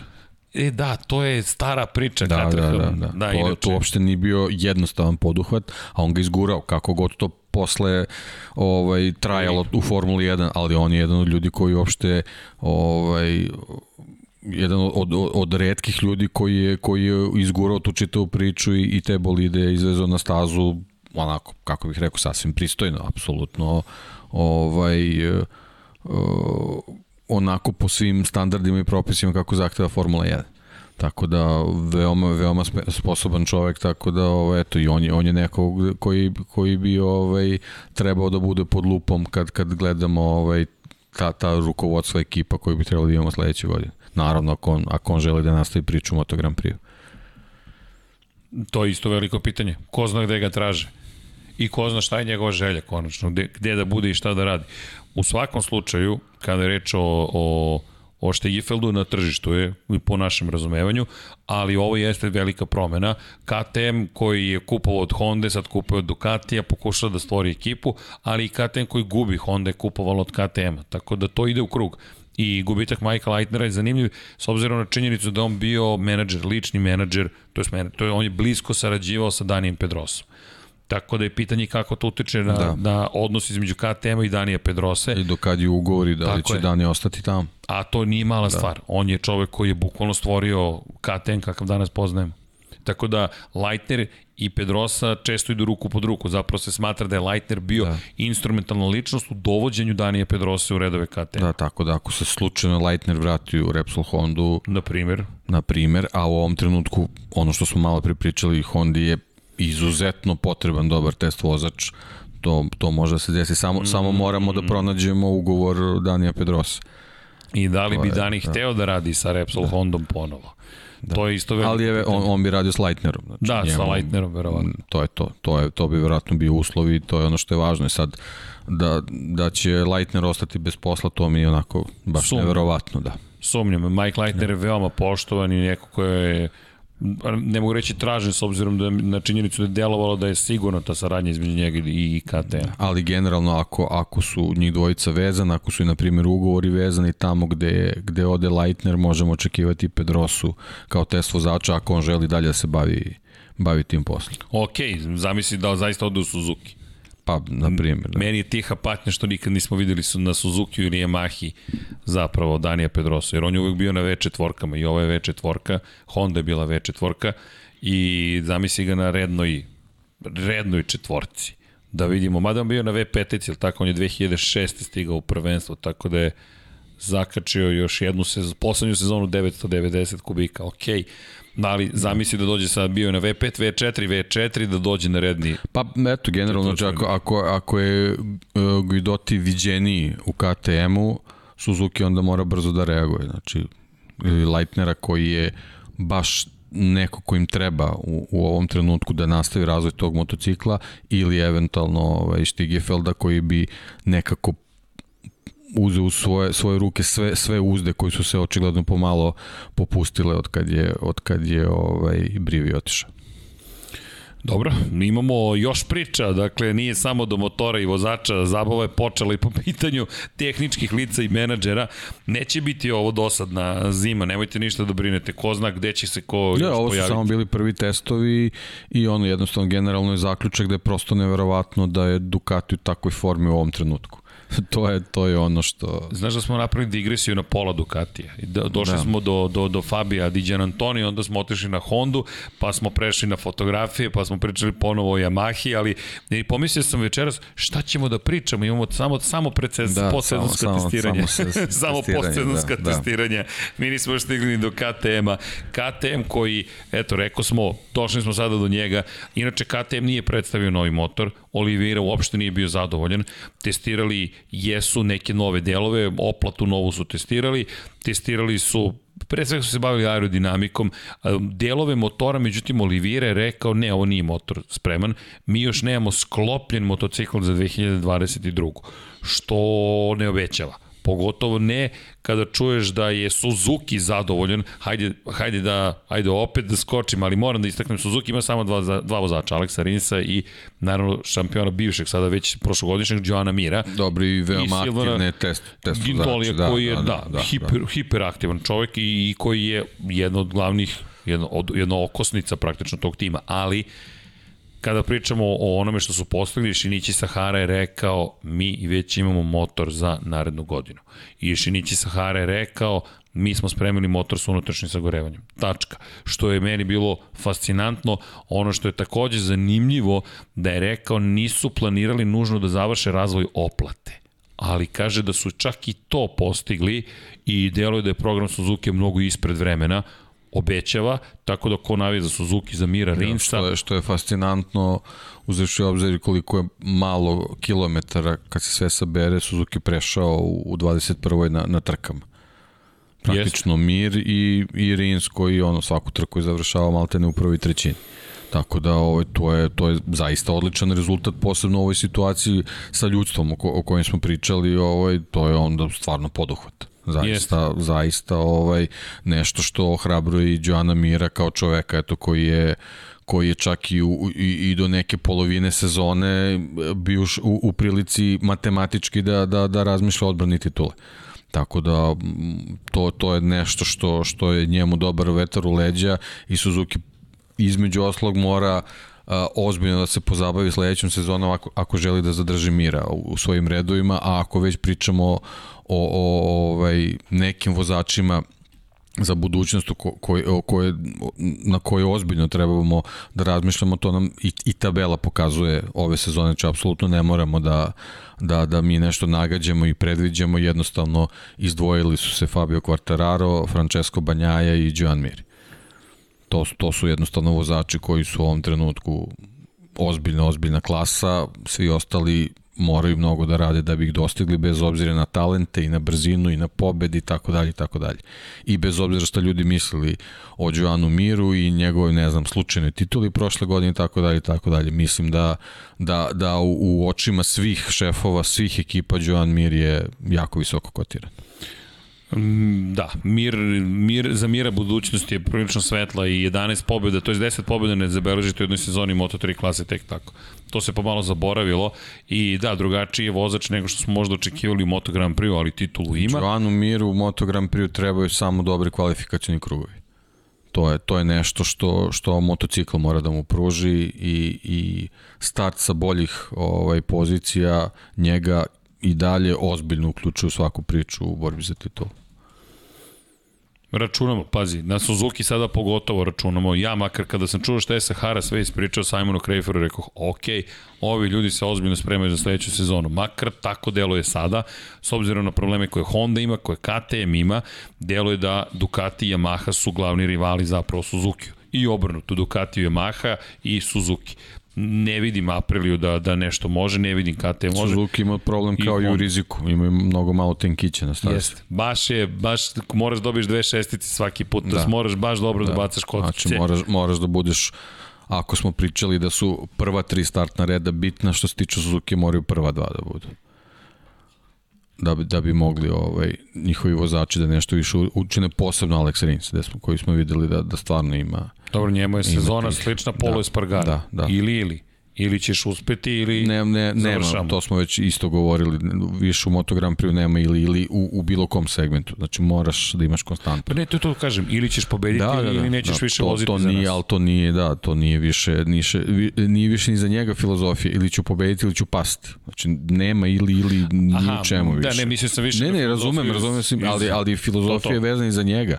Niko njega nema više ili, ili. Znači mora, mora i on malo da, da, da, spusti, da, loptu. da spusti loptu i da završava trke sedmi, osmi, deveti, sve ok, ali završao je. Da, koliko se promenio Moto Grand Prix, nekad je bilo kada si sedmi ili osmi gotovo sramotno, sedmi, osmi, si sada sedmi, ne, ne, nije ne. tako loše. Ovo je, ovo je sad drugo vreme sa, sa mnogo ajkula. Atomski Moto Grand Prix. Da. Zaista atomski Moto Grand Prix, bolji Moto Grand Prix iz te perspektive nikad nismo imali. Pitanje da li i više možeš da ideš ka razvoju, a Vanja hvala, ovo je taman, ovo je KTM, Vanja je nabavio fotografiju, pogledaj KTM, sad da ne piše KTM i da nema ovakve isečke praktično sa Da ga neko stranu. crvenim sprejemo farbao.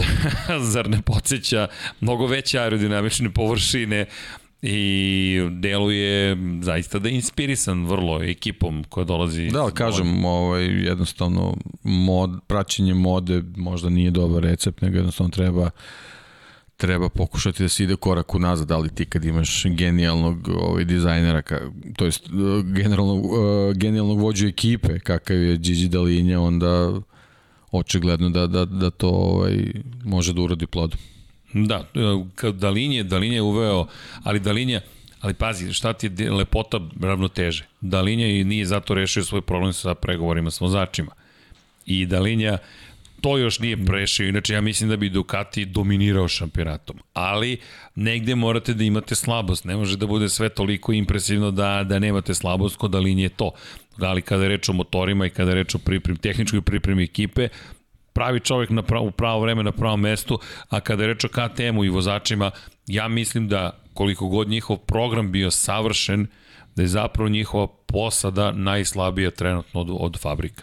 Ako pogledamo Apriliju Maverick Vinales, koliko god je on problematičan, je i dalje vozač koji je za klasu iznad, po mom mišljenju, Breda Bindera i Miguel Oliveira, neću da pričamo o Novajlijama, Raul Fernandez tek će da uči, koliko god će biti brz, verujem da hoće, koliko god Remy Gardner će biti kvalitetan i solidan, ne može da se poredi sa Maverickom Vinjalesom. Honda, ako se Mark Marquez vrati na stazu, nemamo o čemu da pričamo, ne postoji adekvatno poređenje. Ako odemo u Yamahu, Yamaha ima Quartarara i Morbidelija, koji su pokazali da su mnogo stabilniji vozači. Suzuki, rekao smo, već ima Mira. Dodat ćemo tu Rinsa, mada Rins, čak i Rins je bolji, to jest čak i Rins verujem da može više, pa, ali... Reputacija je ta. Da. da. I sada dođemo do toga da, da da, da imamo jednu ekipu koja zapravo koliko god je napredovala kao da se izgubila i to i Vidotijev angažman pa i otpuštanje Leitnera pokazuje. I zato se zadržam do nekle na KTM jer ima savršen program priprema i ko zna koliko će oni učiniti, znaš šta mene sad zanima, Teh 3 ekipa. Mislim da je na Teh 3 ekipi sada najveći zapravo uh, pritisak, neću reći možda pritisak, možda je fokus najveći, jer Tech 3 je bio taj koji je, možemo reći, bio rame uz rame, ako ne i uspešniji 2020. 2021. sa Petrućem baš je bilo problema, ni Lekona se nije lepo snašao, i onda dolazimo sada do Raula Fernandeza. Ako se oko njega koplja lome, a deluje da se lome, mada imao je za mene ne baš prihvatljivu izjavu, rekao je da on da je on zapravo moralni pobednik ovogodišnjeg šampionata Moto2 klase, da je on moralni šampion i da je zapravo Aki Ajo odgovoran što nije osvojio titulu jer nije na adekvatan način podržao njegovu ekipu mehaničara i njega kao Novajliju. Remy Gardner je dosta jednostavno to rekao da je to, sad da ga ne citiram u potpunosti, ali besmisleno. Pa ne znam, kad se pogleda broj pobjeda, ja ne bih mogao. Da nisam gledao šampionat i da sam pogledao samo tabelu i video broj pobjeda, već bih posumnjao ovaj, u, u tu izjavu, tako da... Ne znam ne, kako ne možeš znam, da, da kažeš da te nije ekipa podržala. Da. da, ja ne znam šta su mogli još više da učine. Da, onda i Masija moralni pobednik pa, u trojkama. Izvini, tako, da. jel Aki Ajo pao u Nemačkoj? Ja mislim da nije. Jel u Mizanu, Mizanu pao? Da. da. Znaš, nije pao Aki Ajo, pa pao je Raul Fernandez.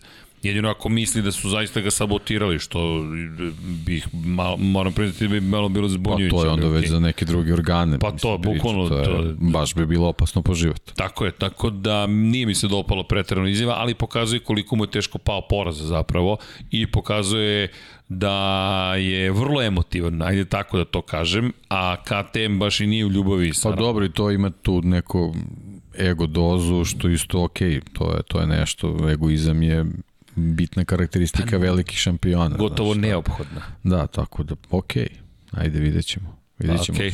kao što si rekao, sad dolazi na veliku scenu, reflektor će ozbiljno biti usmereni ka njemu, tako da vidjet ćemo prvi kadar nove sezone na kome će biti. e, da, da, da, da, to me zanima. Ćemo, broj, brojat ćemo u kom kadru je ovaj, Raul. Raul, vidjet ćemo da. šta znači Dorni. Pazi, prvi morao bi da pripadne Fabio Quartararo. Da, Mora, ako da. to ne urade... Mada videli smo ove godine mnogo kikseva kod Dorne, yes. tako da... Baš su imali propuste, ozbiljne propuste, ali zaista ako tu ne budu ispoštovali svetskog šampiona, ne znam Ne znam kada i gde će ga ispoštovati, ali dobro, nije da ga nisu ispoštovali, samo kažem to isto moraju da ispoštovati. Ali ovo je zanimljivo da vidimo kojim redosledom će ići kada je reč o kadrovima. Ok, zapamtite ovaj moment. Lab 76 broj 152 i prognoza ko će biti u prvim kadrovima. Elem, da ne zaboravimo i ostale, to je Ducati. Ducati je priča najduže, tako da on može da traje celu emisiju. Ima osam vozača i tu smo videli nova lica, stigao je Marko Beceki, dobio je to čuveno pitanje koja je razlika koja je razlika nebo i zemlja, ali rekao je da stil vožnje je vrlo sličan moto dvojkama i to opet vraćamo se na mišljenje. Pa da, dve i po sekunde iza Banjaje, to je sasvim prihvatljivo u ovom Za trenutku. početak. Da, da. Da, on je krenuo i to je tek građanje praktično i, i osjećaja i sigurnosti i to je, on je u školi Valentina Rossi u VR46 akademiji i u ekipi VR46 i okruženje ljudima koji već sad znaju. Da, i generalno Marini. ovo je super nova priča, mislim, VR46 Jest. kao poseban pravi tim u Moto Grand Prix-u. Žuti se. Da, da, Baš da, se tako žuti. da, m, ono, ako, ako nastave s tom pozitivnom pričom, može to da bude okej skroz. Ne, ja mislim da, da mislim da su lepo složili ekipu. Luka Marini koji je sada stariji, Da, i već I pomaže. iskustvo, da, da. A- I lepa sezona. a tako izgledala i njihova sezona kada su bili zajedno u Moto dvojkama. Mislim da su vrlo komplementarni vozači. I kao ličnosti i kao vozači. Luka Marini je bukvalno pokazivao Marko Becekiju kako da vozi, a onda je Marko uspevao da bude brži od Luke Marini u Moto dvojkama. I dolazi kod Luke koji ima godinu iskustva iza sebe, pokazujemo, pretpostavljam ćemo pokazivati kako, gde, šta i zašto da radi, a onda Marko Beceki nadogradnja. Pa jedan drugog vuku praktično, tako su sarađivali u Moto dvojkama, ne vidim razlog da to promene i mislim da su se, da se vratio kući Marko Beceki, pa i Luka Marini da ponovo imaju taj svoj dom, a Enea Bastianini, a Vintija više ne postoji, otišao tamo gde deluje vrlo zadovoljno, deluje da je u ekipi Fausto Gresinija za sada sve onako kako biste mogli poželeti. Iako i on i Fausto su imali jedan zahtevan odnos u, u, u, u svojoj karijeri i menadžera i vozača, čuveni njihov razlaz kad je dobio ponudu Leopard Racinga, pa ga Fausto nije pustio da, da raskine ugovor, pa je ljut bio celu godinu i po je bio ljut na Fausta, ali ok, kad ste klinci, ljuti ste po defaultu, po fabričko podešavanje, što ti kažeš, deki, Da. i, i, Posetite Dekijev Instagram profil. Posetite Dekijev Instagram profil. Mladost, ludos. Izvini, bilo je jače od mene. Ne, Ne, sve razmišljam o okej. mladosti. Super je Da. fotografije. 30. Inspirativna. rođendan danas. Da. I tako. U svakom slučaju,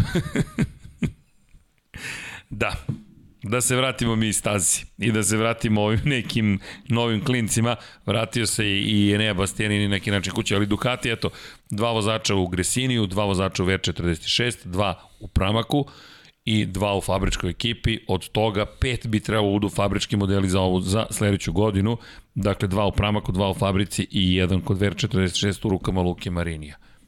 Tako da Luka ima još, još jedan korak u napred, a što se tiče ovih testova, videli ste Ducati zaista mnogo toga testirao. Ja ne znam šta sve nisu testirali, impresivan je njihov razvojni program, impresivna količina motora njihovih koje smo videli. Sve što trenutno rade je na jednom logistički zahtevnom nivou, ali deki Da, ali ovo je, ovo je neki, neki nivo stvarno, ovaj, ja ne znam da li, da li us- uskoro neko može da prati ovo. Ja ne vidim, iskreno. Jednostavno. Pritom taj zalog je vezan i za Moto E i to je stvarno jedna ozbiljna ofanziva. I aktivni su Superbike, nije da su odustali Da, od da, da, Superbike. da, da. šta god da rade, rade vrlo ozbiljno. Pretpostavljamo na osnovu tog ulaska u Moto E da, da Ducati planira svoj brand, zaista portfolio svoj da proširi što je više moguće. Tako trenutno izgleda i moram priznati da su ostavili baš najjači utisak. E, ali nisu jedini italijanski tim. Ne samo da zaboravimo da tu ima jedna mala fabrika koja nije tako mala zapravo, a to je Aprilia koja deluje malo, ali ljudi radi se o Piaggio grupaciji, radi se o jednom ozbiljnom, jednoj ozbiljnoj fabrici, o, ne, o, o, o kompaniji koja ima ozbiljan pedigre, ni kada pričamo i onu Beđu, tu čoveku koji je osnovao fabriku i onome što ostavi iza sebe, njihov je trag veoma dugo, dubok u trkanju, da nemamo Aprilu nekako bi bilo, bila bi velika šteta. Izabrali su Moto Grand Prix, za potrebno je veće, da se još više posvete sada. Doveli su Maverika Vinjalesa, Luka Savadori je ponovo testirao, Luka je bio vrlo vredan, tri oplate različite su testirali, djeluje da će fokus eto biti na pre svega na, na aerodinamici i motoru, zadovoljni su, zadovoljni su ramom, tako da čekamo Apriliju i čekamo Maverika Vinjalesa. Realno to je na, ono što najviše Pa da, Savadori je testirao bar po, po tim izveštajima aerodinamiku i, i, i neke nove izduvne sisteme, a Vinjales ono naravno ko čemu, Maveriku kočenju i skretanju u krivinama, tako da Ove, šalim se, mislim, očigledno da, da, da, da je njemu potrebno da element po element prođe na, na tom motociklu i to je sasvim ok razvojni put. Ima, tako je. Ovo, izabro je da, da se prvo, prvo posveti elektronici koja je vezana za, za kočenje, da, da, da tu u stvari shvati šta se dešava i, i i ovaj kakav napredak mogu da postignu, onda je sledeći korak će biti ovaj skretanje i brzina u, u, u, u bržim krivinama u brzim krivinama, tako da to su to su neki elementi s kojima će se on ovaj pozabaviti, a verovatno će kasnije u nekim nekim kasnim fazama kad kad sa Savadorijem prođu ove, testiranje vezani za, za aerodinamiku i za, za izduvne sisteme, da se on priključi tome i da bi na kraju jednostavno videli sa tom šasijom da je to sve kompatibilno i to je u principu pravi put, tako da to je okej. Okay. Dobro, deluju i sviđa mi se što i dalje veruju u Savadorija i podržavaju ga i Lorenzo... Pa okej, okay, mislim, on, on ima iskustva i se trka i sa svakim kilometrom je sve iskusni, ne vidim, ne vidim razlog zašto bi ovaj njega isključili iz tog programa, samo je šteta eto što Dovi, na primjer, nije ostao u čitavoj priči, mislim da bi to sve... Koliko bi to ubrzalo stvari? Sve bi ubrzalo stvari, ono, i njega videti kao, kao takmičara na aprili bi bilo fenomenalno, ali, ali okej. Okay, to je. Ja mislim da bi to bukvalno mislim baš... Mislim da, su, da to nisu trebali da ispuste, ali, ali dobro. Slažem se u potpunosti. Ja, mislim, čudno mi je sve bilo u trenutku kad se, kad se desila ta promena, ali ok, mislim, to je to su neki, neki, neki njihovi planovi koji su nam se, nam se do tog trenutka u potpunosti sviđali, je sad ovaj, ta praktično zamena za, za, za Vinjalesa kao da jednostavno nisu želeli da ga ispuste kad su se desili ti problemi sa, sa, sa Yamahom. Ovo, eto, doveli su do toga, ali zaista bih volao da sam, da sam dobio, dobio video u takmičarskom izdanju na, na aprili. Jel, zanimljiva je ta fama oko Maverika Vinjalesa u kontekstu toga da umesto Rosija u Yamahi su izabrali Vinjalesa, Umjesto Dovicioza u aprili su izabrali Maverick. Pa on, pazi, on potre, potre se pravi od Suzuki još tako da... Pa i to što znaš, to, jednostavno to je njegova uloga u Moto Grand Prix i ono, volio bi da ne ostane samo po tome upamćen, nego da, da nešto konačno i uredi. Dobro, potrudio da. se ove godine svojski da nekako promeni percepciju Maverika Vinjalesa kod svih praktično i trenutno se ne priča previše o njemu, ali ja mislim da će on imati Možda mu to i odgovara, ovaj, ali promenit ću onako ako bude želeo da, da bude u centru pažnje. Da, dobro, Apriliju smo pokrili, Moto dvojke, Moto trojke, kada je reč o njima, Hajde da, hajde da, da, da, da, da, da, da zastanemo na trenutak. Što se tiče Moto dvojki, Moto trojki, ja predsezonska testiranje uvek nekako postsezonska, predsezonska, kako da izbegavam, moram da priznam. S obzirom na činjenicu da više možemo da pričamo o tome koga smo videli na kom da, motoru. Pa da, ne otkriva da, nam previše informacija. Ništa, da, ništa, ništa, ništa specijalno, tako da, ovo, eto, ono, naravno sve oči su uprte vezane za Moto2 bile na, na nastup Pedra Kosta, ali tu se videlo kroz, kroz rezultate, kroz sve da je samo bilo bitno što više kilometara prevesti i navići, navići se na, na, na veći motocikl, tako da ne znam, čini se 12. 13. bio nešto po rezultatu, ali mislim da to nije nije toliko ni, ni bitno, bitno je da, da, da on shvati u stvari šta mu je neophodno vezano za pre svega fizičke pripreme za, za, za novu sezonu. To je, to je jednostavno samo shva, stvar ovaj, upoznavanja ekipe, na kraju krajeva ekipa je potpuno nova. Ovaj, Augusto Fernandez je, je došao tu kao, kao iskusan vozač i, i, i ovaj, ono, upoznat sa moto dvojkama, sve super, ali jednostavno kad dođeš u novi tim i, i njemu će biti potreban period adaptacije, tako da jednostavno kao što si rekao, mislim ne treba to tu tome nešto sad puno ovaj pažnje ni poklanjati, jer jednostavno tu ne može ništa da se vidi, motocikli ništa tu sad nema nema nekog, nekog sad napretka, ne znam kakvog da bi se sad tu obraćala toliko pažnje, nego jednostavno to je bukvalno ono shakedown da, da, da novi novi momci u šampionatu se naviknu na motocikle, a da novi članovi timova se naviknu na, na nove ekipe. Eto, to je, to je otprilike to. Da, i zanimljiva mi je bila izjava Pedra Koste o razgovoru sa Casey Stonerom. E, to mi je bilo simpatično u celoj priči i rekao je da je zapravo imao mogućnost da pređe direktno u Moto Grand Prix, ali da je sam razmišljao da nema potrebe da preskače neke etape u svom razvojnom putu, svom razvojnom putu i rekao je da je zapravo razgovor sa Casey Stonerom potvrdio da je, da je to put kojim treba da ide. Casey koji počinje da oblikuje šampionat sveta malom, svugde je praktično Casey Stoner i mnogi ga slušaju i rekao ono što je zanimljivo, rekao Kosta da nije važno da pobeđujete na dnu, već je važno da budete spremni za vrh i da se dobro nađe, da se dobro takmičite u samom vrhu. I to ono čemu smo čemu često pričamo, pobeđivanje je stvar navike, ali i porazi su stvar navike. I ukoliko se navikneš da si 14. 15. 16. 17. i što kaže Fabio Quartararo da gledaš vozilo bezbednosti na startu trke iza sebe direktno, to ti postane tvoja jednostavno svakodnevnica i norma i referenca to ne treba tako da bude i Casey mislim da je, da je 100% upravo. Idi tamo gde možeš da se boriš za vrh, a mlaci napreduješ kad uđeš u Moto Grand Prix, da uđeš na pravi način i da možeš da se boriš za same, za, za najviše moguće pozicije. Jer vremenom otupiš, odustaneš od toga, kažeš pa dobro, to je meni je to 15. pozicija, moja pozicija, to je to. To nije dobar stav.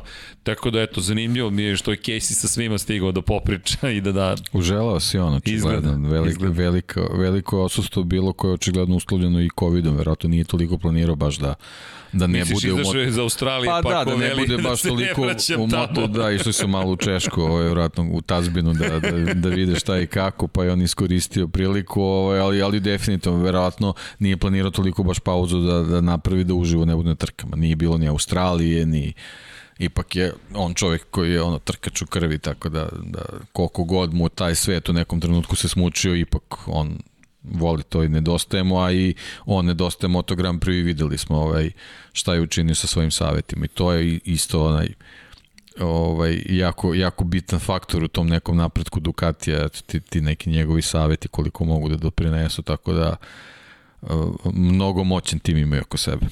I, ali, ali mi je super što nije se zadržao samo u Ducatiju. Znaš, Casey nije rekao da, radim da. samo za Ducati. Pa ne, ne, nema razloga. On nema je razloga. Casey Stoner. On, on je čovjek Moto Grand Prix. Tako, je. tako da... I to je baš lepo rečeno, on je čovjek motor. Ja, ja verujem da ono, bez obzira kako se neka, neka, neko uvreženo mišljenje o njemu ovaj, nekako nastalo, neko arogancija, ne znam čemu, ja verujem svako ko priđe sa, sa nekim pitanjem za neki savet, verujem da dobije odgovor. Casey Stoner je jedan od najljubaznijih vozača koje možete upoznati, ali Casey je prosto introvertna ličnost po, po, po svojoj prirodi, po svom karakteru, puno je radio na sebi, dosta je drugačiji nego pre 10 godina u kontekstu otvorenosti, ali kada priđete Casey Stoneru i stanete pored njega, on vas posmatra, ima to osjećaj da vas skenira automatski šta hoćeš od mene i zašto, šta želiš. I onda kad mu priđeš, kaže ništa, došli sam samo da poželimo lep dan i da vas je lepo videti, ok, hvala. I dalje nije 100% sigurno da kad se upoznate i kad, kad se seti par puta da vas je video, ok, ali ako ste pristojni, komunikativni, dođete sa nekim normalnim, civilizovanim pitanjem, dobit ćete direktan odgovor kakav, a, i da ga pitate da li vam se dopada šta nosim, ako vam zaista iznese svoje mišljenje, izneće na svoje mišljenje, ako ste zaista želeli mišljenje, dobit ćete ga, nemojte da se naljutite ako mu se ne sviđa, ali činjenica je da je to jednostavno čovek koji je vrlo direktan i sad kako godine idu, mnogo poštovani, ali da, ste stečena je ta, ali to ti je, to je prosto, sad, Valentino Rossi doneo mnogo toga dobrog Moto Grand Prix, ali ako je nešto loše doneo, doneo je to da svako ko nije Valentino Rossi je odmah osuđen da je arogantan, zatvoren, bezobrazan, ljut i tako dalje. Ljudi, malo je ljudi poput Valentina Rossi, zato je on Valentino Rossi. Što kaže Carlo Pernat, čovjek koji se svima osmehuje, ide, samo se osmehuje, bake, deke ga vole, znaju motorima, ne znaju ništa, jao, to je Valentino, Valentino Ajkula, bukvalno bela Ajkula koja se smeška, samo što nema oštre zube, nego dobar dan, dobar dan, dobar dan, ali opet toplo preporučujem, pročitajte i u monografiji šta je sve pričao Pernat o razvoju Valentina Rossi, to je jedan čovek, samo što je harizmatičan. Casey Stoner je drugačije harizmatičan, on prosto čovjek ni ne, jednostavno ne prilači toliko pažnje, a i ne ponaša se tako. Tako da Casey zaista mi je drago i, i bilo je super videti ga u Valenciji. I svi su bili oko Casey, svi. Bukvalno nema ko nije prišao Casey. Rekao, ćao Casey, zdravo Casey, zdravo, zdravo. Ali se i on, vidiš da je radio i on na sebi. Da prihvati da je javna ličnost i da je normalno da prosto ti prilaze svi mogući ljudi. Ranije on uglavnom se sklanjao i bio je neko ko je govorio čekajte, dajte mi samo moj, moj prostor. I, I to isto lep napredak, ali pretpostavljam to godine učine. A i što ti kažeš, prosto nedostajalo. Pa da, žela se, sigurno. Ali znaš šta mi pada sada na pamet? Australija koja je saopštila nove mere zatvaranja usled COVID-a, mislim da će biti potpuno zatvaranje ponovo, a Jack Miller treba da ode na veliko finale australijskog Superbike šampionata. To je 5. 5. decembra, mislim 3. 4. 5. taj trkački vikend. Ako Miller ode, on neće moći da izađe iz Australije. Tako da nisam siguran da li će se desiti da će voziti zaista na kraju u, na Bend Motorsport parku ili ne. Samo nešto da ispratimo, prosto eto sad sam shvatio. Pa verovatno, po, evo, Vanja pita da li postoje posebne, neka pravila za sportiste. Možda i postoje, ali Vanja to onda, to, to, to su presedani koji s pravom onda ti imaš pravo da, pravo da postaviš pitanje što ja ne mogu da izađem iz Australije. Jer ovo nije pitanje dolaska u Australiju, ovo je pitanje izlaska iz Australije. Znaš, to su, to su dosta, ne želim da otvaram pitanje politike i COVID, ali činjenice su, su strašne mere, rigorozne i da ko izađe iz Australije u situacije ne, ne, ne, ne pokušava da se vrati jer ne zna da će ponovo moći da izađe. Do, došli smo do te situacije. Tu smo gde smo, ali u svakom slučaju eto, pratit ćemo i, i taj deo priče. Ali Case je tu, tako nadam se da će ostati još, još dugo. I da će da će tako deliti savete okolo na okolo. Da, ali Pedro Costa i taj njegov nastup jeste bila. Mada, morate priznati da smo gledali, čekali Romana Fenatija. Da ga vidimo ponovo na Moto dvojkama.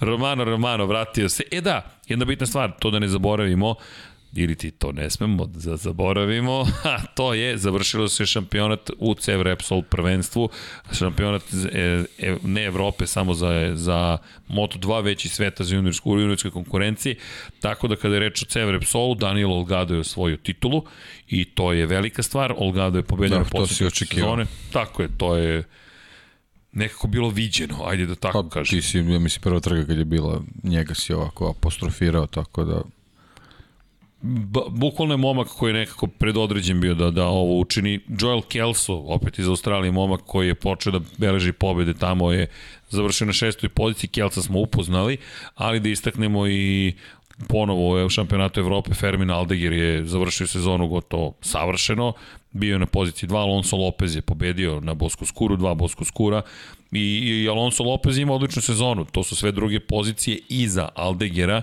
jedna treća i par pobjeda, Tako je to bilo da je Lukas Tulović, inače pozdrav za Lukasa Tulovića bio na poziciji broj 3. Pa eto, čisto da ne zaboravimo te stvari.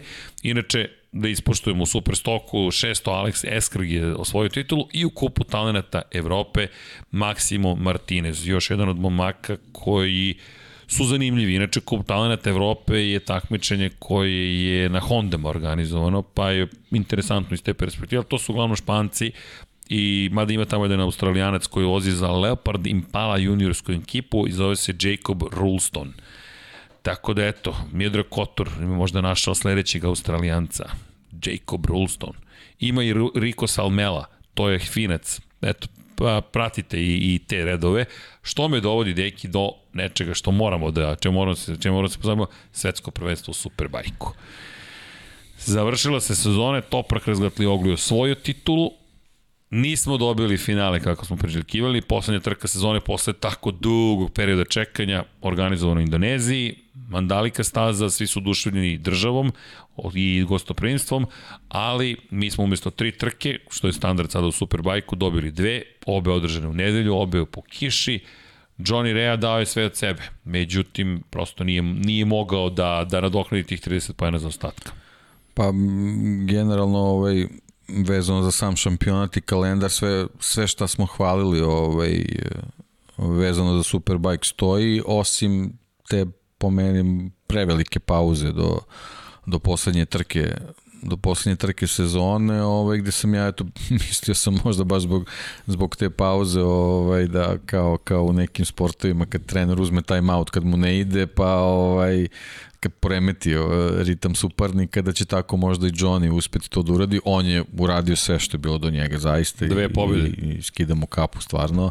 Ovo, ali, ali jednostavno Toprak je pokazao da ove sezone, posebno u ovom drugom delu, je zaista, zaista nenadmašan i da apsolutno zasluženo ovaj, uzima titulu. Što se tiče same staze i, i, i te kiše što si spominjao, ovaj, naprile baš veliki problem, ali jednostavno to je takav deo sveta, mislim ja ne znam da li tamo kiša može lagano i da pada. mislim to, to je jednostavno nemoguće, ovaj, ali vidim, vidim da su vozači baš hvalili ovaj, pre svega konfiguraciju staze, ali i, i neverovatni grip koji je, koji je pružala ovaj, motociklima čak i, i, i ovaj u tim vlažnim situacijama tako da očigledno smo dobili jednu dobru stazu i Moto Grand Prix kad bude kad bude došao tamo tako da ovaj to je to je ono što je što je pozitivno što se toga tiče. Kažem ta pauza je malo malo onako meni bila čudna da je ba, baš toliko, ali dobro, eto, generalno imamo dve čudne sezone generalno iza, iza nas, pa, pa eto, imamo i vikende sa, sa tri vezani, vezane trke u raznim šampionatima, evo sad imamo i, i velike pauze, tako da možemo sve da stavimo pod normalno, u nenormalnim okolnostima. Ali generalno, ovaj, Johnny ono stvarno ovaj, pokazao da, da, da, da je veliki šampion, eto nije, nije uspeo da nastavi svoj, svoj niz, ali evo pojavio se vozač koji, koji stvarno može ovaj, da mu stane uz rame i, i koji može možda i mnogo više od toga. Naravno, svi kad pričamo o Topraku gledamo ka Moto Grand Prix-u, ali vidim da i on sam izjavio što isto ovaj, odlik onako šampiona koji su onako prilično na zemlji, da ono, ako i bude i Moto Grand Prix, bit će tek možda za neke dve sezone, da je u stvari sad pravi prioritet odbraniti titulu, jer to je nešto što je Superbajku ozbiljno, ozbiljno dostignuće. Odbraniti titulu je stvarno velika stvar. Biti višestruki šampion je da, jedno, da, da. a odbraniti titulu je sada već nešto treće, drugo. Da. Tako da Topraka čeka ozbiljan zadatak i lepo si da, rekao. i drago mi je, drago mi što je to njegov, njegov motiv. Jeste. Tako. I samo da napomenemo, čak i da je održana trka za super pol poziciju, ta treća trka, i da je Jonathan Rea pobedio i na njoj i da Toprak nije osvojio ni jedan poen u toj super pol trci i dalje bi šampion bio Toprak Razgatlioglu, imao bi dva pojena prednosti. Tako da to je gubitak te trke, ne mogu reći da je nešto previše uticao na konačni ishod u šampionatu. Bukvalno Toprak da nije vozio po pitanju poena bi ista situacija bila. Da, uticalo bi to kasnije na neke stvari, ali opet negde vidimo da, da je Toprak više, kao što si rekao, nego zasluženo osvojio ovu titulu. Johnny dve pobedu, dve trke, i to u teškim uslovima da.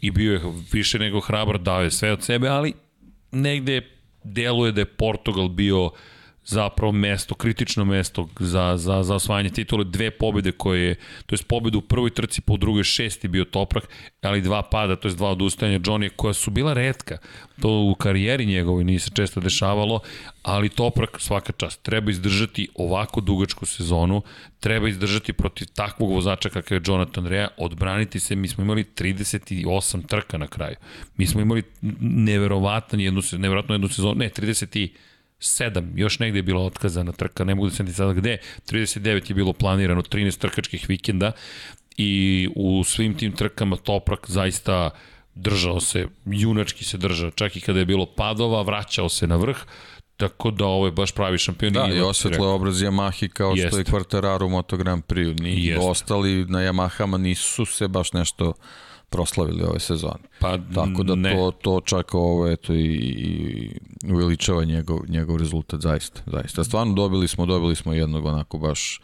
ozbiljnog motociklistu, I, baš pravu svetsku klasu. I zvezdu. Da. Čovjek da. ima zvezdano ponašanje, ima harizmu, dolazi iz uh, kraja sveta koji nije često imao šampion, je prvi šampion turski u kojoj svoj titul da, ima, ima tu lepu tradiciju ovaj, svojih vozača koji opet naravno u svojoj zemlji su ono obožavani do fanatizma, yes, mislim yes. kao kao i svi, svim tim sportovima, eto nekako su to neki nesrećni spletovi okolnosti dovodili do toga da da, da ne budu i u samom vrhu, ali, ali on stvarno je svojim svojim nastupom pokazao da apsolutno zaslužuje tu, da bude tu gde je i naravno i dalje ako, ako to poželi, ako bude bilo mogućnosti.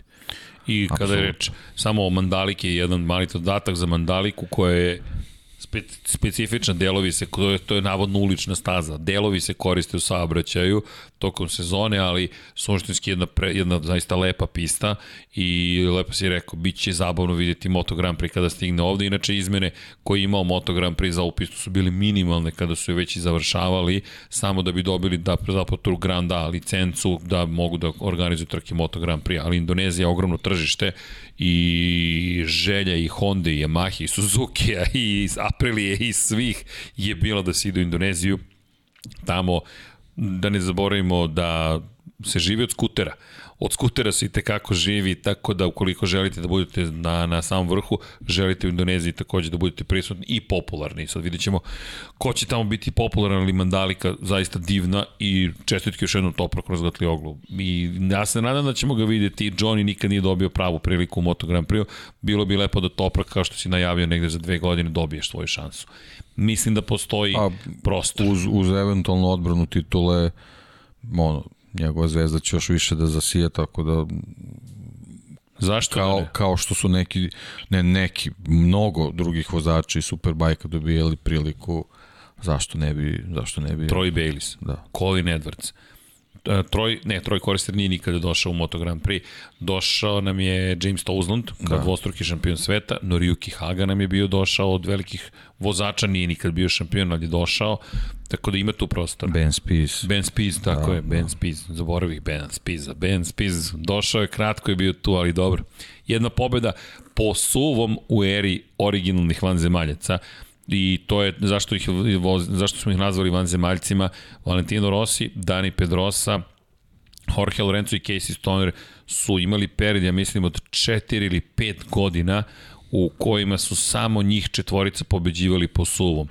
Jedino po kiši su trpeli poraz i jedin, jedini čovek koji je zabeležio pobedu po suvom, to je još pre nego što se pojavio Mark Marquez, i bio Ben Spies. To je pobjeda bila u Asenu 2000, mislim 11. Da, 11.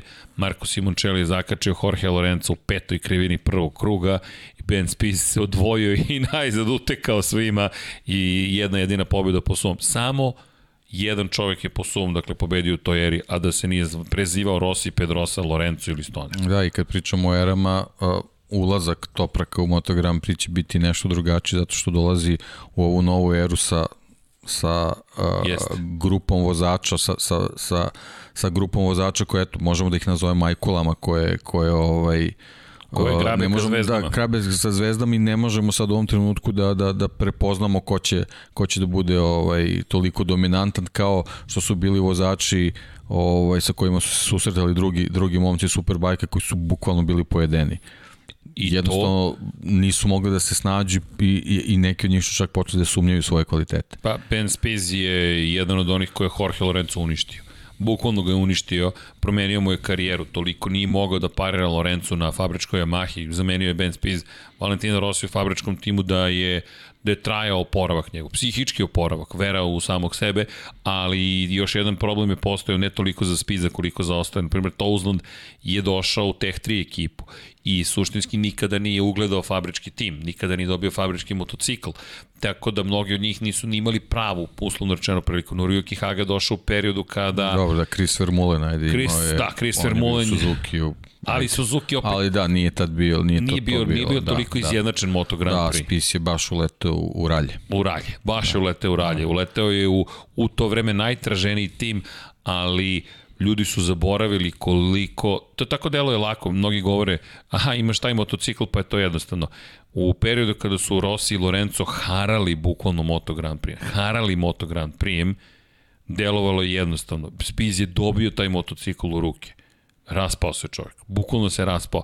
To, to je samo još jednom podsjetnik koliko je i Rosiju i Lorencu bilo neophodno i da rade i da se budu posvećeni onome što rade da bi uspeli. I mislim da ti savršeno, samo kratko apropo Rosija, to opisao, ne možeš da budeš i šef ekipe, i vlasnik fabrike i prvi čovek eh, gradića svog, neka vrsta neimenovanog gradonačelnika i da podižeš klince u VR46 akademiji i da sa svakim provedeš 5 minuta u razgovoru prijatnom i onda odeš da voziš Moto Grand Prix motocikl kao profesionalno vozač. Ne ide prosto ne ide i to Nemaš dovoljno vremena. nemaš. Lučić Kratak ti je je slično pokušao i slično i prošao. Še menadžer ekipe koji vozi teško funkcioniše. U svakom slučaju, eto, Topraku držimo palče, pa se nadamo da ćemo ga vidjeti. Mnogo šampiona, šampionata je završeno, odlučeni šampioni, pratit ćemo eto taj australijski superbike šampionat zahvaljujući možda Jacku Milleru, ali sezona baš privede na kraju i zasluženo Toprak, zaista, ja sam, kada sam čuo da otkazuju trku, pomislio sam, ne, to sad, da li će ostaviti neki trag na šampionatu, i onda razmišljam, 12 pojena dobiješ za super pol poziciju, ne, sve je okej okay na kraju, bilo, Johnny je uradio svoje, Pa mislim ali da je okej. zato i otkazano, zato što je matematika ma- to pokazala da nema, nema svrhe Vrlo da verovatno, da. vrlo verovatno. Ali dobro, naredne godine John ima novi izazov. Da se sada ima taj rosirsko-markezovski moment. Možeš li posle prekida da se vratiš na vrh. Rossi uspeo, Marquez još nije dobio pravu priliku, Johnny će imati naredne godine, pa da vidimo, Johnny Pa, da znaš je kako, tu. kako je ova sezona krenula, delovalo da će, da će osvojiti novu titulu. Međutim, sad u sledećoj sezoni on bukvalno od, od prve trke mora, mora da krene sa, sa, sa željom, evo kako i kako imao i, i na, ovaj, na, ovaj, na ovom poslednjem vikendu. Tako da mislim da nas čeka jako, jako interesantna sezona. Ja, dobro je Posebno počeo sa, sa, sa ekipom vozača koji mi imamo, ovaj, već smo spomenjali Bautistu i, i Lekuonu i Vjerhja. to- Pazi, i Scott da. Redding na BMW-u će Pa meni biti da, ali tu su i Gerlof i Sykes i Gerlof, Van der Mark. E, a Locatelli, Locatelli. Re, Locatelli bio je- izvrstan, za, da. Da. za debitante je bio odličan. Locatelli koji je svoju titulu Supersport ove godine bio druga najbolja Yamaha. Znaš, i kad, kad pogledaš taj grid, tu ima jako malo, da kažeš, anonimus. To su sve ozbiljni, iskusni vozači, znači bukvalno će biti do, do, do paketa da li, da li će se i oni uključiti u neku borbu. Znaš koga nismo spomenuli, Alexa Lowe's. Alex Lowe. Alex Lowe's koji je tu, pa je tu. I naravno za Hondu da vidimo da li je ovo zaista neko rešenje ili nije dovođenje novih Da. ljudi. I da li za Ducati rešenje vraćanja Valara, Bautiste? to mnogih cene, Da. da. bit će više pobjeda za Ducati, ali i mnogo manje završenih trka. Nažalost, ali to je, to je Pa, trenutno pa dobro, reputacija. Redding isto, da, dobro. Dobro, Redding, Vidjet ćemo, vidjet ćemo, da. Scott Redding je težak za, za obuzdati. On od kad je dao otkaz u Ducatiju vozio najbolje što je mogao. To je rečenica ovaj, jako često se koristi tako. da, da, da. Ne, bukvalno Samo čovjek... me ostavi prazno, da- pa napiši ime koje hoćeš. Ali bukvalno čovjek je najbolje trke prikazao kada je otišao iz Ducati. Zvanično. Pa dobro. Dobro. E, dakle, prošli smo sve i svašta. Nadam Grlo se, ti izdržalo. Grlo mi izdržalo, ej. Hoćemo jedno desetak minuta pitanja. Ljudi, ne smem više od toga. Da. Ne zamerite, stvarno ne smem. I ovo što radim je već, već protiv svih pravila, ali držim palčeve. Sutra ćutim i prek sutra ćutim. Inak sutra ćutim. I imamo pitanja sa Patreona. Pozdrav za cijelu ekipu.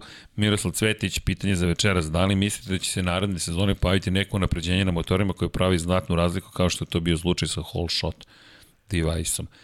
Mislim da neće. Mislim da ćemo naredne godine prisustvovati maksimalnoj evoluciji onoga što je već uvedeno. I da ćemo zapravo gledati kako bukvalno kako ove ovi motori doživljavaju možda, neću baš reći svoj vrhunac jer ne vidim da će se pravila menjati, ali da će ovo biti prva godina Znate šta će ovo sada biti? Moje mišljenje, došli smo na tipa 95% razvoja i trud obično koji vam je potreban da razvijete nešto do 95% je isti trud koji vam je neophodno za onih preostalih 5%. To je kao u atletici. Da spustiš vreme da ispod 11 sekundi, okej.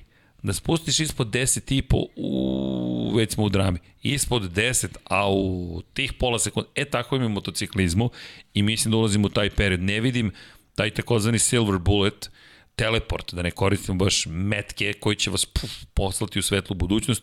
Mislim da su sada ovo korak, korak, korak, korak, korak, milion malih koraka koji će vas dovesti do uspeha. To je moje mišljenje. Ne znam da li se deki Apsolutno, slažeš. apsolutno. Imam nešto Miroslav isto poslao. Ovo ću ti dati ovaj, da, da pogledaš sam i da pročitaš fenomenalno. je. Znači snimak je A, Casey-ev, da, Casey. ali kad uđeš u komentare, To molim je te, peta krivina u Barceloni. Valencija. Valencija.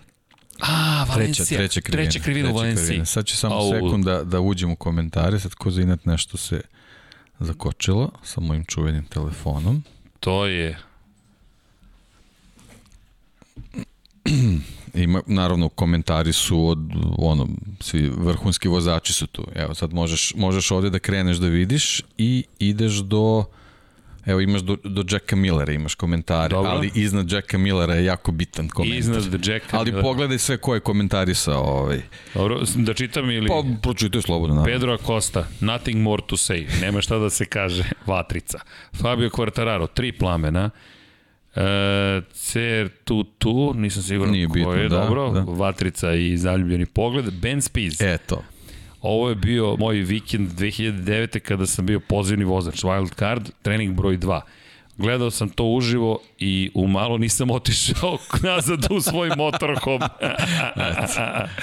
Jack Miller je samo napisao zver. Dani Pedrosa, divlje, wild. Fabian Coulthard, ne znam ko je, Classics i tako dalje, i tako dalje i sve. Eto, to je, to je mišljenje vozači. kolege o Casey Stoner. Da, pa nema, nema, ne, ne, ne, ne, ne, po- vidi za ovo. Smem da vratim tamo da... Naravno, naravno. Casey Stoner koji kaže da li je ovo retro kadar. ne, ovo je bezobrazan kadar. Pazite šta je on radio, on kliza s oba točka. Dobro, onda- verovatno se setio zbog onih usmenih snimaka To, što to. smo gledali sad iz Valencije, Tako je, tako je. Banjajinih. Da, tako je. I onda je uspo... Ne, ne, proklizao je, ali onda je stao u sred krivine, grip je odmah uhvatio i onda je promenio smer kretanja. Pa dobro. Živjeli. ali dobro, to su ti neke scene. Mm. Što kaže Ben Spiz, gledam i da radim Evo, evo Deki Andrić nam pomaže, hvala Deki, vezano za ovu priču o KTM-u, Pedrosi i tako dalje. Sad sam proverio da ni Pedrosa ima ugovor do kraja 2021. godine. Tako da, eto, Koliko ima? Do 21. do kraja ove godine, Dani Pedrosa. Dani Pedrosa, Da, ok. da, da. Deki, inače, 2019. je potpisao na dve godine. Veliki navijač Danije Pedrosa. Da.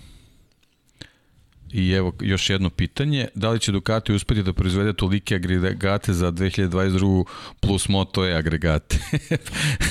Znaš kako, valjda su dobro isplanirali, ja, ja ne, ne znam šta bih rekao stvarno.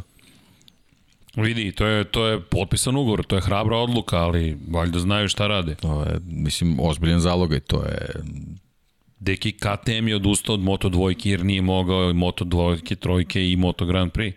Ok, Ducati nije u Moto dvojkama ili Moto trojkama, pa ima Moto E, ali to je električni motor, to je, to je, Da. to je potpuno drugačija tehnologija, ali mi ne govorimo Da, u principu je jednostavna tehnologija, ali samo u principu, sve ostalo je van principa. Elektronika, baterija, bezbednost, šasija, RAM, oslanjanje, korišćenje guma, to je ogroman zalogaj koji Jeste, Ducati preoze na sebe. Jeste. Još jedno jako zanimljivo pitanje i, i mislim da, da je u ovom trenutku dobro da se potegne i, i ta priča. Da li mislite da, da u Moto Grand Prix treba da se ograniči koliko jedan proizvođač može da snabdeva timova kao o, njega to posjeća na, na Mercedes i Formula 1. I mislim da, da, da, da treba da se razmišlja o tome jer upravo ova, ovaj današnji Moto Grand Prix nas podsjeća na Formulu 1 od pre nekih 30 godina sa, sa svojim razvojem i ja verujem da će doći trenutak kako se ovako nastavi da, da će morati da se uvedu ograničenja ovaj, jer, jer ono, ne treba nam kup takmičenja. Ne, ne treba nam kup takmičenja svakako, ali mislim da tu moraju i druge fabrike da reaguju. Mislim da Carmela Espeleto, znate kako, mnoge stvari se dešavaju koje nama na prvi pogled izgledaju kao da su se same po sebi desile, ali zapravo neko je povukao potez da bi se oni desile. Između ostalog i ovo što smo dobili jeste u velikoj meri rezultat rada Carmela Espelete. E sad, imamo situaciju u kojoj ne samo je speleta, nego i fabrike moraju da odgovore na to. Fabrike su prošli put odgovorile, ali ako jedan Suzuki ne može ili neće da proizvede još dva motocikla, timovi nemaju mnogo izbora nego da gledaju ka onima koji će im obezbediti te motocikle. Honda je uradila svoj deo posla. Honda je obezbedila četiri motocikla. Yamaha je uradila svoj deo posla, obezbedila četiri motocikla. Tri i tri i po. Tri plus jedan. KTM je uradio svoj deo posla, obezbedio četiri motocikla. Ko nije uradio, to je samo moje mišljenje, Suzuki nema četiri motocikla. i Aprilia nema četiri motocikla. Da nam oni ponude još po dva motora, mi onda ni ne moramo da gledamo ka Ducatiju. E sad, moguće je da će pravilnik zahtevati da fabrike, zapravo da, da ne idemo ograničavanjem Ducatija, nego obavezivanjem drugih kada učestvuju da moraju da obezbede još motora. Da, njihovom ekspanzijom. Tako je. Da. I na taj način mislim da izbegava, da postavimo dve stvari. Poboljšava se šampionat i izbegava se situacija u kojoj Ducati zato što je A da, ali ovo je sad, sad smo jednostavno u trenutku koji može da postane mač sa dve oštrice, Jeste. zato što uh, ograničenje u razvoju ne postoje, a Ducati je ozbiljno, ozbiljno podigao lestvicu, ovaj, njihova, njihova motivacija je za, za, za, za Moto Grand Prix šampionat ogromna, tako da pitanje je koliko drugi mogu to da prate. Mi imamo, pazi, imamo sada, da, imamo upravo si, ova sezona, ove dve godine su zapravo prekretnice. Jer ukoliko se ovako nastavi, i ono što mene najviše, ne mogu kažem zabrinjeva, oni su svi potpisali petogodišnji ugovor i ostaju u šampionatu, ali da, postoji ta zaista bojazan, jer Znaš, sa osam motocikala mi smo otišli predaleko, još ako da. je to najbolji motocikl. Ma sve si rekao, nema tu šta. Držim palčeve prosto da će jel, ostali jel oni, oni tehnološki odskaču od ostalih, Jest. a krenuli su i sa, sa ovaj kvantitetom. I kvalitet i kvantitet. I još su u Moto E kategoriji. Tako je. Nemaš čak ni Energiku kao nekog nezavisnog proizvođača. Da, Za brand Moto E će to pozitivno biti, bit će pozitivno i za brand Ducatija, ali opet kada pogledaš malo bolje, mnogo je.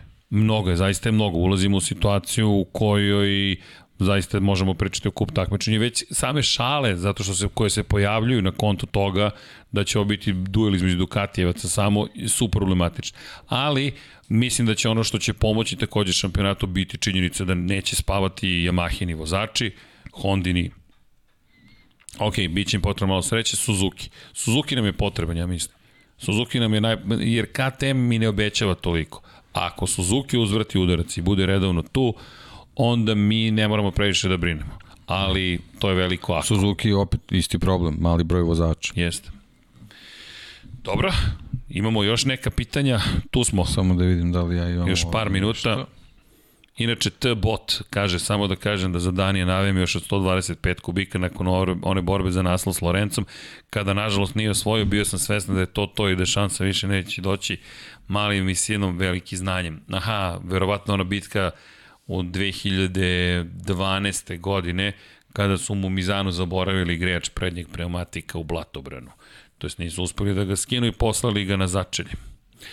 Ako se dobro sećam da je to bila ta godina. U svakom slučaju pozdrav za te bota, da, neverovatan je Dani bio i zanimljivo je to, Dani prosto savršene okolnosti su mu bile potrebne da se neke stvari desi, ali čak i te godine kada se izborio sa svim mogućim problemima, desi vam se da kada ste poslednji put čuli da je vodećeg u šampionatu ili drugoplasiranog u šampionatu sveta koji startuje sa iz prvog startnog reda, nisam siguran da je bio na pol poziciji, dovede ekipa do toga da ne može da izvuče greč gume i on mora da startuje poslednji. To je baš jedna od onih situacija.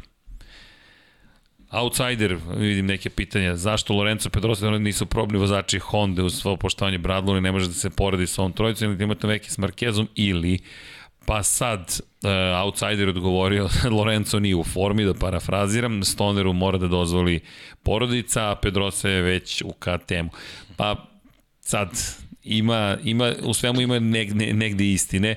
Mm, Stoner je vrlo ličan kada dovedete u pitanje njegovo znanje i sa Hondom je on ušao u probleme zapravo posle trke za 8 časova Suzuki kada je imao stravičan pad, na izglasku iz Degnerove krivine, Degner dvojke, prošao je ispod nadvožnjaka, u krivina u desno i zaglavila se Sajla Kvačila, međutim Honda je kada je Stoner rekao šta je uzrok njegovog pada, inače doživio prelom obe noge, rekla da to nije potvrđeno i da, da može da se desi da je vozačka greška, Stoner je to rekao inače odmah posle pada, na kraju se ispostavilo kada su radili kompletnu analizu da je bio u pravu, da se zaglavila sajla gasa i Stoner je rekao, ok, ako mene, u mene sumnjate, nemamo o čemu dalje da razgovaramo i onda se vratio Ducatiju, a Ducati je napustio zato što nije htio da ga sluša.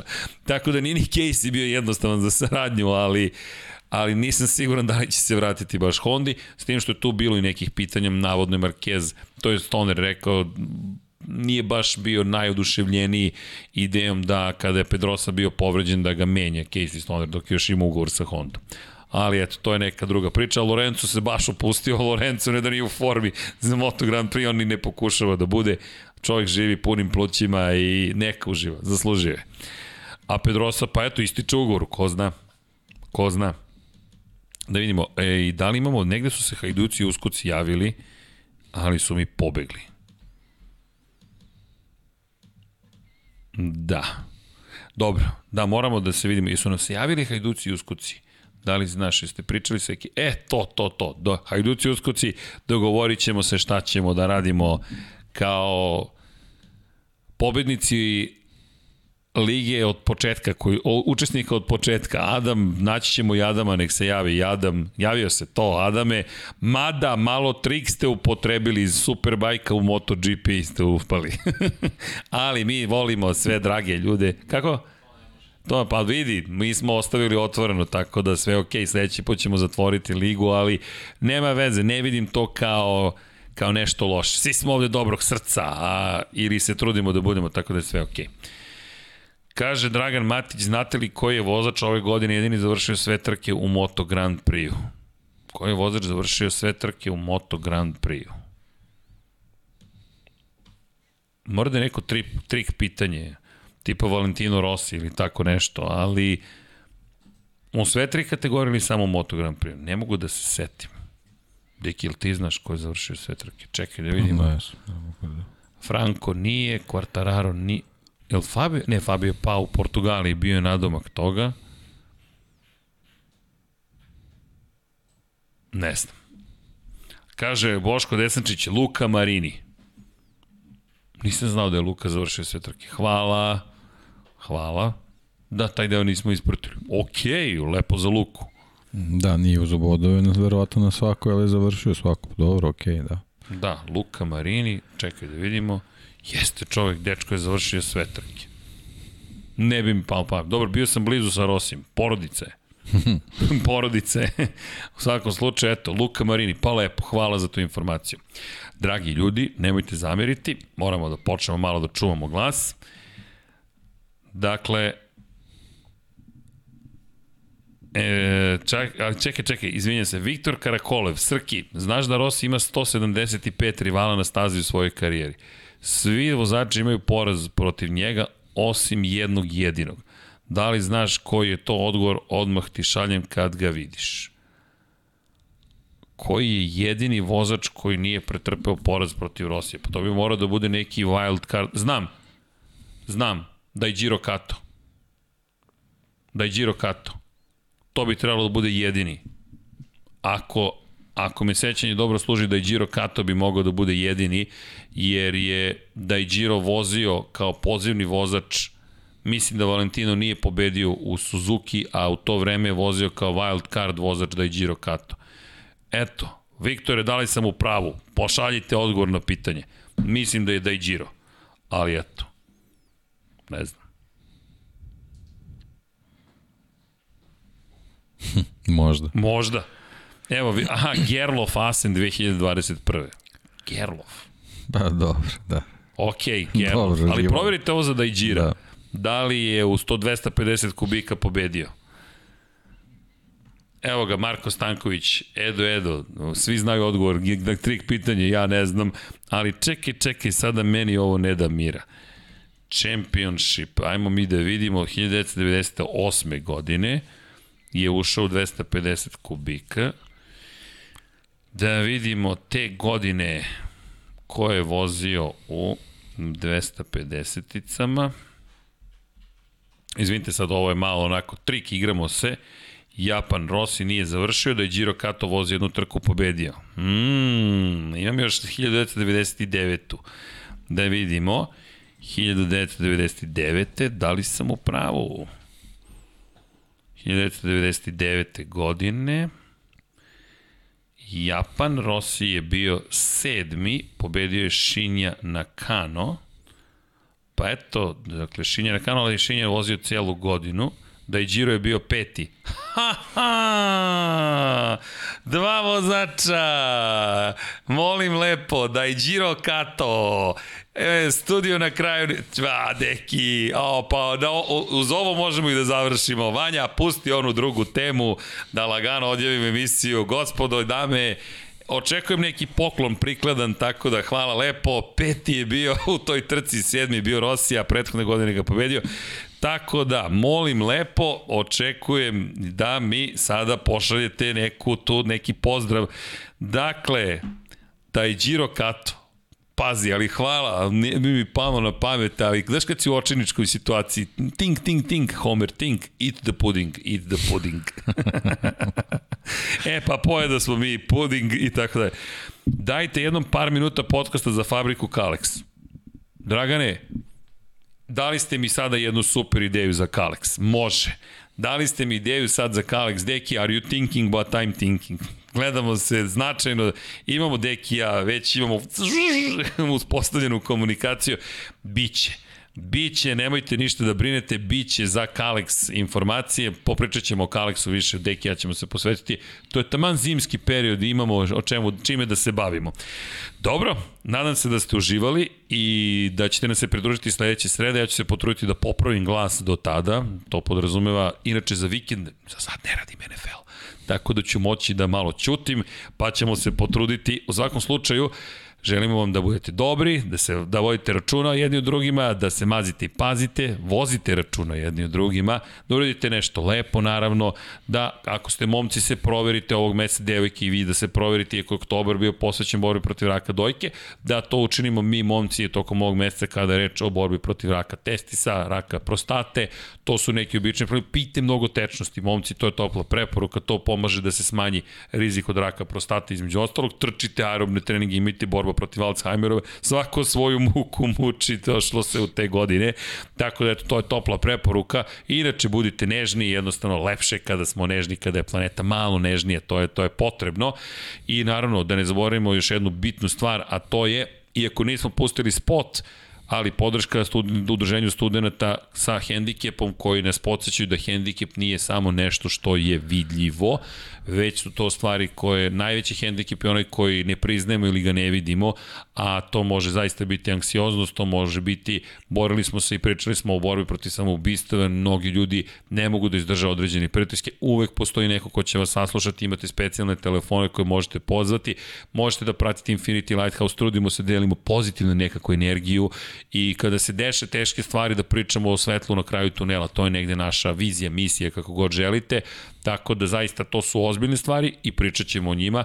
Nismo prosto ekipa koja o tome priča kao glavnoj temi, ali koristimo priliku što ste sa nama da i skrenemo pažnju na to. Ko zna koliko smo svi mi prošli kroz teške periode u životu, pa to izgleda tako šarenoliko, ha, ha, ha, i uključujući i vozače koji se trude da uvek imaju osmeh na licu, ali nije sve uvek tako zabavno. Razumemo to ono što hoćemo da vam kažemo, svi smo mi od krvi i mesa, svi smo ljudi, tako da, budite dobri, pošaljite 917 30 30 prosto da pokušamo Bojanu da Branko, prostite da pomognemo. Human 917 na 455. Udrite like, udrite subscribe, zato što je to tako zabavno i lepo. Ko nije još posetio našu prodavnicu, obavezno to učinite shop, čekajte, shop.infinitylighthouse, zašto? Pa zato što svaki put kada nešto kupite, M što usrećite neke ljude, konkretno ove ovde ljude uvijek usrećite, M, nam, M nas podržite, patron.com kroz Infinity Lighthouse, s obzirom na činjenicu da, naravno, zahvaljujući vama i fun funkcionišemo i postojimo, pa i za vas, ali da se ne lažemo i za nas, nas ovo silno zabavlja i uživamo.